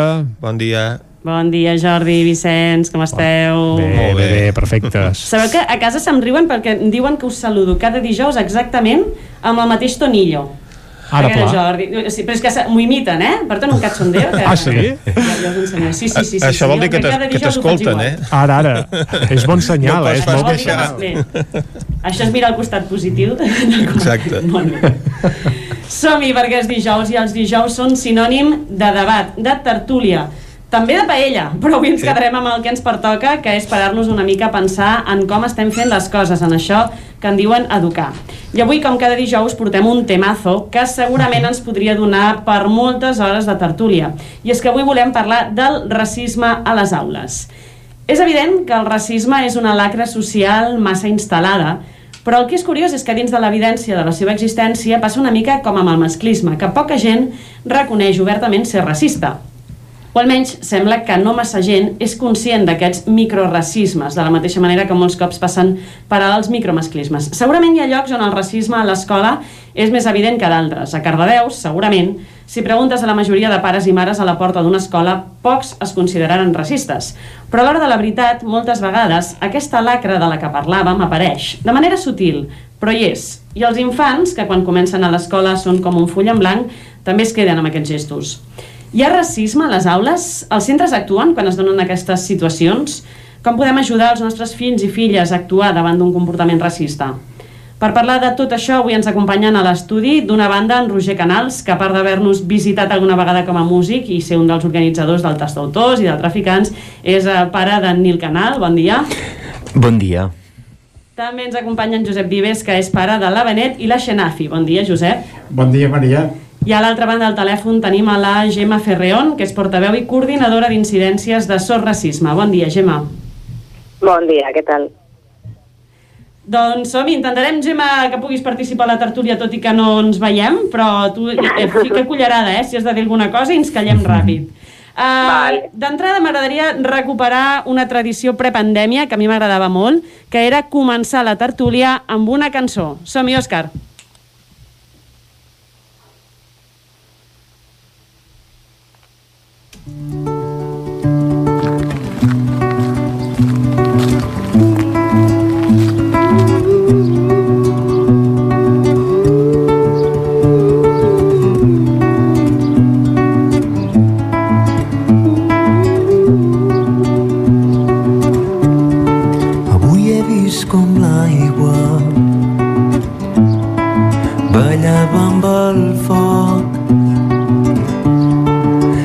un riu que baixa. I el foc del teu sol. Ja, ja som qui som. Una barreja estranya. D'una vida donada Aquesta cançó d'en Roger Canals, que avui ens acompanya, es diu Nil Afroblau. Es diu Afroblau, correcte? O Nil Afroblau, Nil Afroblau. Qui és l'Afroblau per tu? L'Afroblau, mira, l'Afroblau és una mena com de joc de paraules um, que una miqueta intenten descriure um, el caire de la cançó eh, i una miqueta el que parla i també fa, uh, és un guinyo és un guinyo uh, a una cançó que ens agradava molt bueno, i que havíem escoltat molt amb en Nil que es diu Afro Blue, del Mongo Santa Maria. I de fet la cançó hi ha algun moment on que té algun gir uh, harmònic que recorda aquesta cançó. I d'aquí ve una miqueta l'Afro Blue. Vull dir que ell li encantava jo no sé si per la sonoritat, pel tema perquè és un temazo, és un estàndard de latin jazz molt conegut.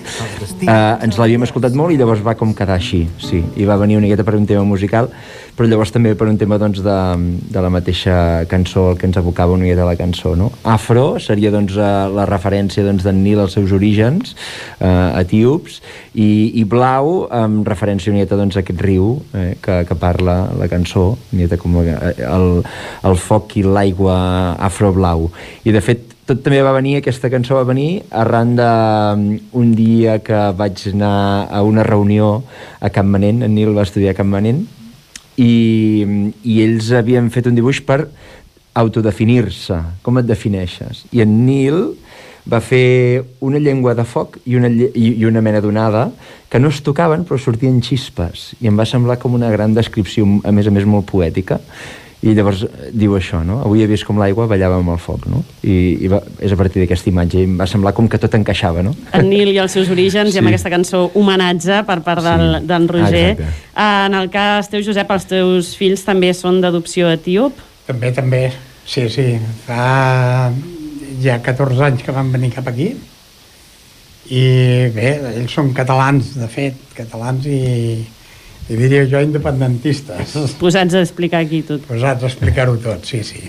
Uh, vosaltres esteu aquí com a pares avui per tractar un tema, mm -hmm. un tema un temazo, com dèiem abans, que és el, aquest racisme a les aules. Mm -hmm. D'entrada us preguntaria així obertament, i també Gemma, si ens sents en la distància, hi ha racisme mm -hmm. a les aules? Sí. Uh, mira, jo et parlaré, et parlaré més que com a mestre que he estat, que no pas com a pare eh, com a mestre he observat que sí, que hi ha racisme, i molt, eh, per part de, dels mateixos companys i dels mestres. Els mestres, el microracisme que li diem. Eh? Quan passa una cosa dolenta, qui, qui en té la culpa? El Mamadou, el Mohamed i aquests nens que, evidentment, eh, són moguts, però no sempre en tenen la culpa de, del que passa. La Gemma a la distància ha dit un sí molt directe quan he fet la pregunta. Tira, bueno, tira, sí, explica'ns. Sí, sí perquè, perquè bueno, hi ha racisme també fora. No? O sigui, el racisme forma part de la nostra societat, malauradament, de la nostra història, i òbviament els col·legis no són cap bolet que estigui no, immune a tot el que passa fora de la societat, sinó que dins de les escoles es reprodueix aquest mateix racisme. I com bé diu el, el company, eh, sempre es parla a vegades del racisme entre, entre, entre alumnes, no? però no s'incideix en què hi ha molt de racisme per part de, del professorat i, i, i de l'equip tècnic que, que no oblidem el seu rol important, no? i som multiplicadors, multiplicadores, eh, estan en una posició de poder, llavors tota acció o reproducció del racisme que puguin, que puguin fer és molt més greu, perquè, perquè, perquè ja veiem molts exemples no? de com inferioritzen sempre les persones racialitzades no blanques de la classe, com, com també moltes vegades no se'ls té, vull dir que se'ls dona mm, com un consell, entre cometes, dient no, tu no vas dir al batxillerat o a la universitat, que és molt difícil per tu, tu vés a treballar, o comentaris directament molt racistes dins les aules, que això, això ho aprenen els, els propis alumnes i després ho reprodueixen i surten fora i ho reprodueixen també, no?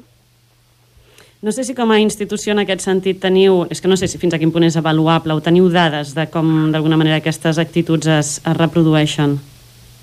Nosaltres rebem, o sigui, nosaltres a l'entitat tenim el nostre servei d'atenció i denúncia, on rebem casos de, de persones que volen denunciar aquest racisme, i rebem casos, eh, sobretot i principalment, també pel perfil de persones que poden denunciar, no?, d'estudiants de, joves, que arriben a la universitat i a l'hora de fer pràctiques mm, es troben que quan han de fer pràctiques a empreses o en hospitals eh, per fet de ser dones musulmanes i que, i que porten aquest vel, no, que és com molt més obvi, eh, bueno, se, se les discrimina i se les obliga a, a, a no portar aquest vel i que no entenen no? Com, com això no és una peça de roba qualsevol, sinó que és un símbol de la seva fe, és una cosa molt personal i, i a més estan incomplint totes les normatives pròpies que puguin tenir les pròpies empreses hospitals de no discriminació.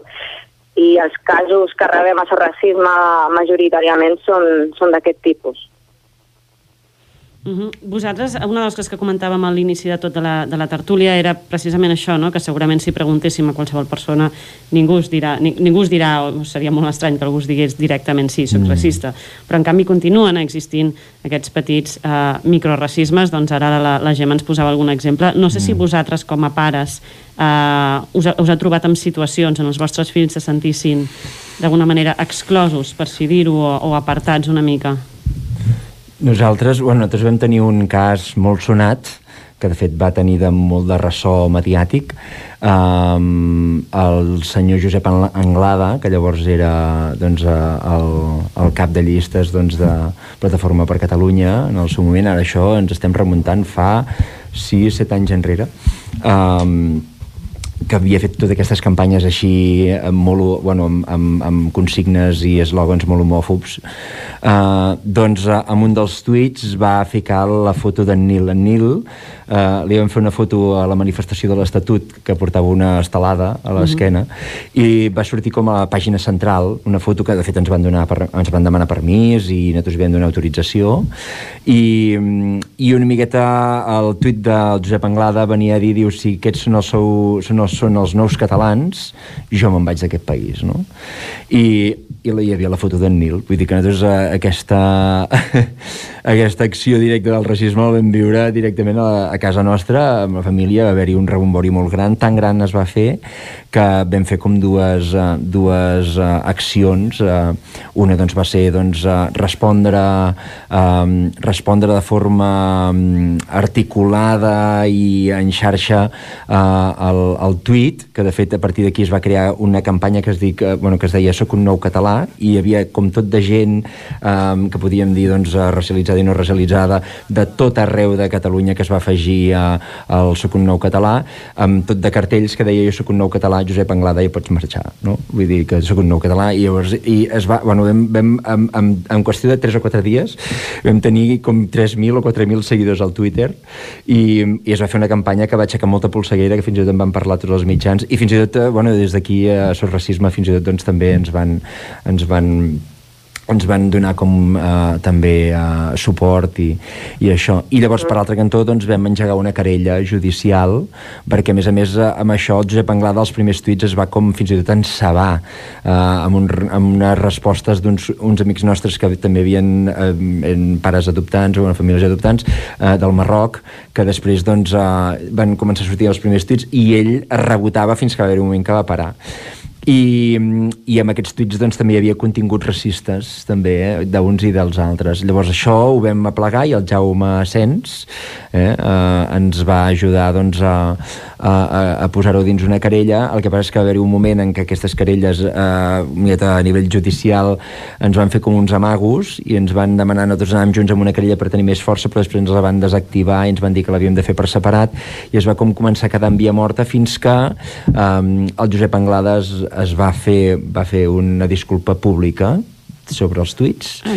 i es va netejar una miqueta així com allò i llavors una miqueta el Jaume va dir que que, que, bueno, que, que, que podíem anar fins al final, però que era un home que, que seria, bueno, seria una querella difícil com acabant doncs, de, de... Una miqueta vam aconseguir una una part del que nosaltres ens havíem proposat que fos la seva... En aquest sentit, d'alguna manera, és, estem parlant d'un partit que, Sí, un que partit. més obertament Sí, sí. eh, Sí, sí. mostra certa... Xenòfob, xenòfob. Xenòfob sí, obertament, sí, pràcticament. Uh, Josep, uh, no sé si a nivell d'aules uh, o d'una manera més, més sutil us heu trobat vosaltres en alguna situació... Eh, no només a les aules, sinó al carrer. Eh? Allò de...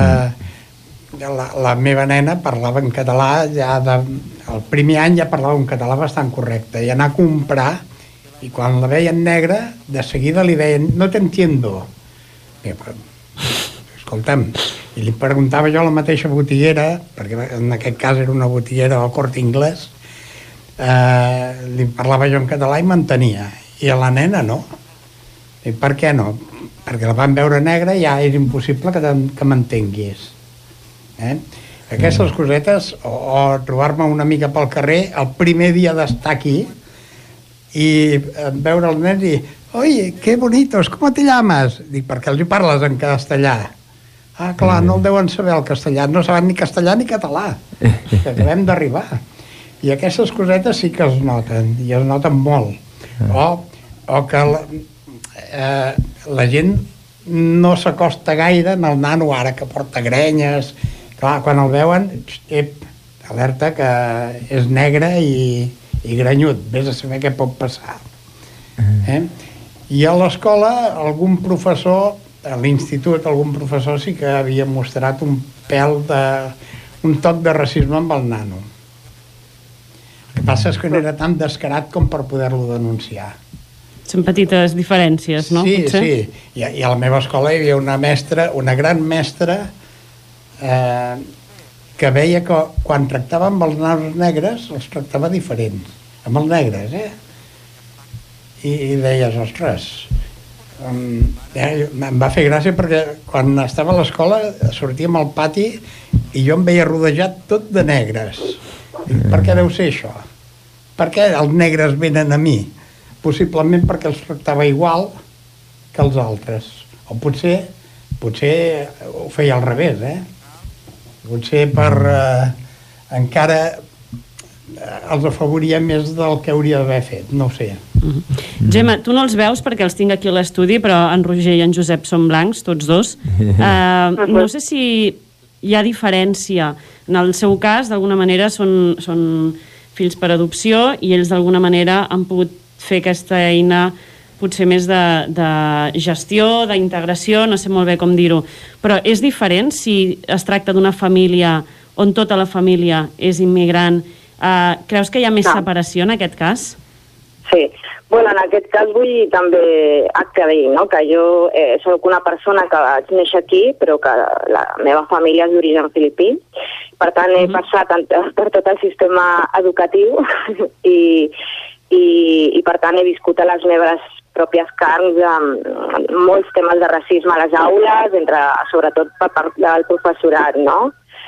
En aquest sentit, no només vull dir que no ens hem d'anar ni al personatge amb un discurs d'extrema dreta, ni tan sols als carrers o, o dir-li fins i tot microracismes, no? Perquè, perquè veiem que no són casos aïllats. El tema és com, com deixar clar que, que el racisme dins de les aules no es tracta de casos aïllats, sinó que és, eh, és sistemàtic, sobretot per part del professorat, que requereix molta, molta formació en un d'aquests eixos, tal com vas dir al principi, no? que sembla que amb tema del masclisme es van posar en protocols específics, amb, no? es va conscienciant més a la gent en aquest sentit, que veuen altres coses que abans no veien, doncs encara cal molta, moltíssima feina amb el tema de, del racisme, perquè la primera cosa, no, i ho has dit al principi, és que es nega.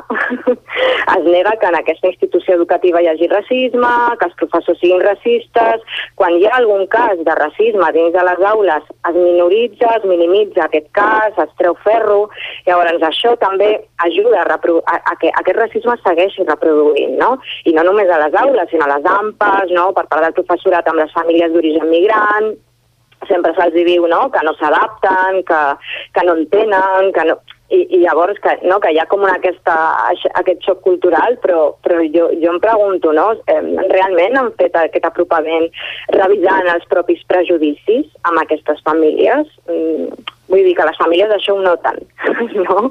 Aquests prejudicis manera, per part dels el no, no professors i professores i que se'ls parla d'una manera no, que, que potser no seria l'adequada, llavors, bueno, també revisar això. Sempre es culpa a les famílies de que no fan o no venen o no tal, però no s'ha mai ni es revisa aquest propi racisme que pot estar eh, no, esbiaixant la pròpia opinió ni tampoc els factors estructurals de les persones migrants que viuen aquí, que viuen moltes vegades en situació de precarietat i d'especial vulnerabilitat, a vegades no tenen les competències lingüístiques ni tan sols el coneixement de com funciona l'administració o, o el papereig que puguin fer, llavors necessiten aquest acompanyament que moltes vegades no es dona.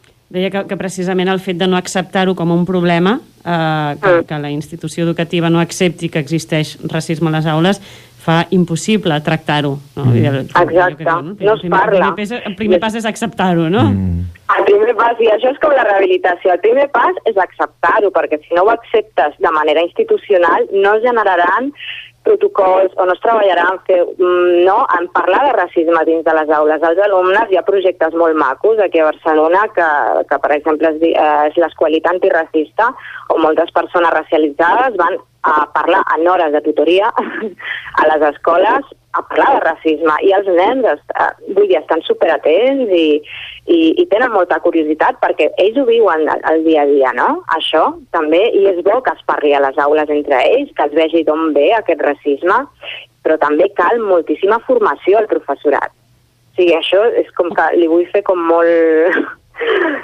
Sí, subratllat, de les, perquè de les el professorat és molt, molt complex. Digues?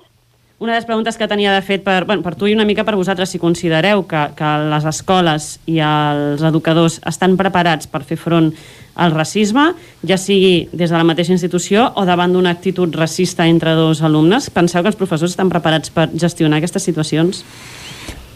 Jo crec no. que encara queda molta feina. Val. Uh, uh, vols... Parlo jo? Sí, segueix, sí? Ah, doncs... Um, sí, ja deixava parlar, que... que abans ja... ja... no, no, endavant, que més ho fas molt bé, parles molt bé. Um, doncs uh, jo crec que hi ha molta feina a fer encara amb l'atenció uh, o, o l'acolliment de la diferència i posar-ho com a pedra angular de l'ensenyament. I jo diria no només uh, amb, amb, amb temes doncs, de racisme, i nosaltres a casa tenim, també també sentim uh, acusem una miqueta el fet de la diferència perquè tenim un fill, un altre fill amb, amb, amb, que és una persona amb Asperger i llavors doncs també rep molt prejudici i molt estigma no? a ser doncs un, un nano que a nivell conductual doncs es comporta de manera diferent no? llavors a casa tenim l'estandard de la diferència com una cosa que és, per nosaltres és la força és, és així no?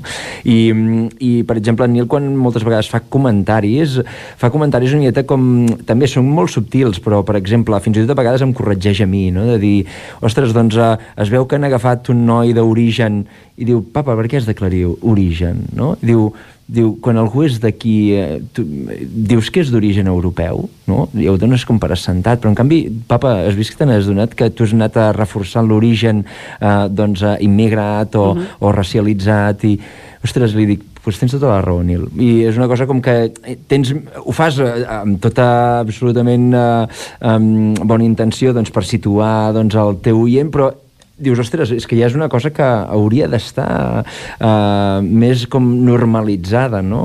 Uh, en canvi, necessites com realment fer-ne una diferència, no?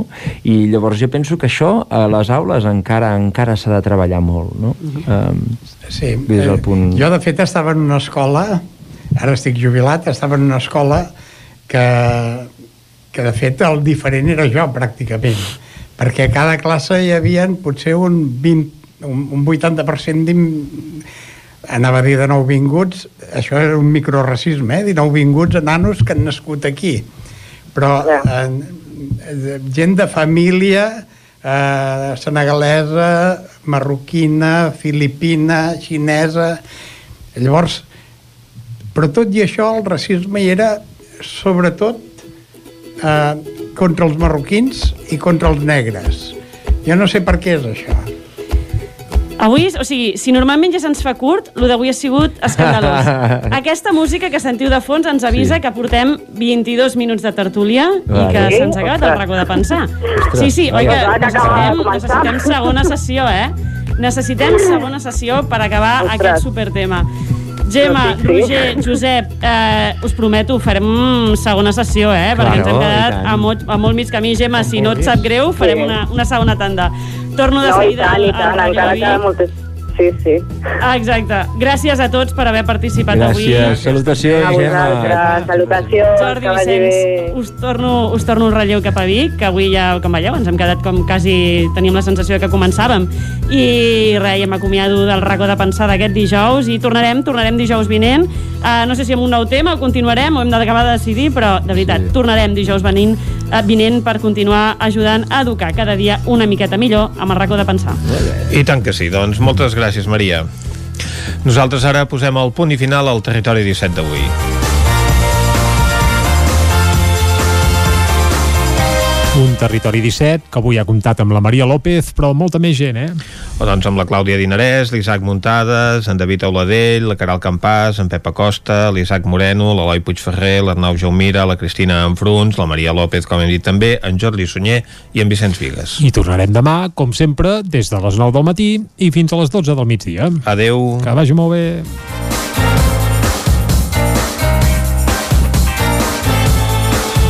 Territori 17 un magazín del nou FM. La veu de Sant Joan. Ona Codinenca i Ràdio Cardedeu amb el suport de la xarxa. El nou FM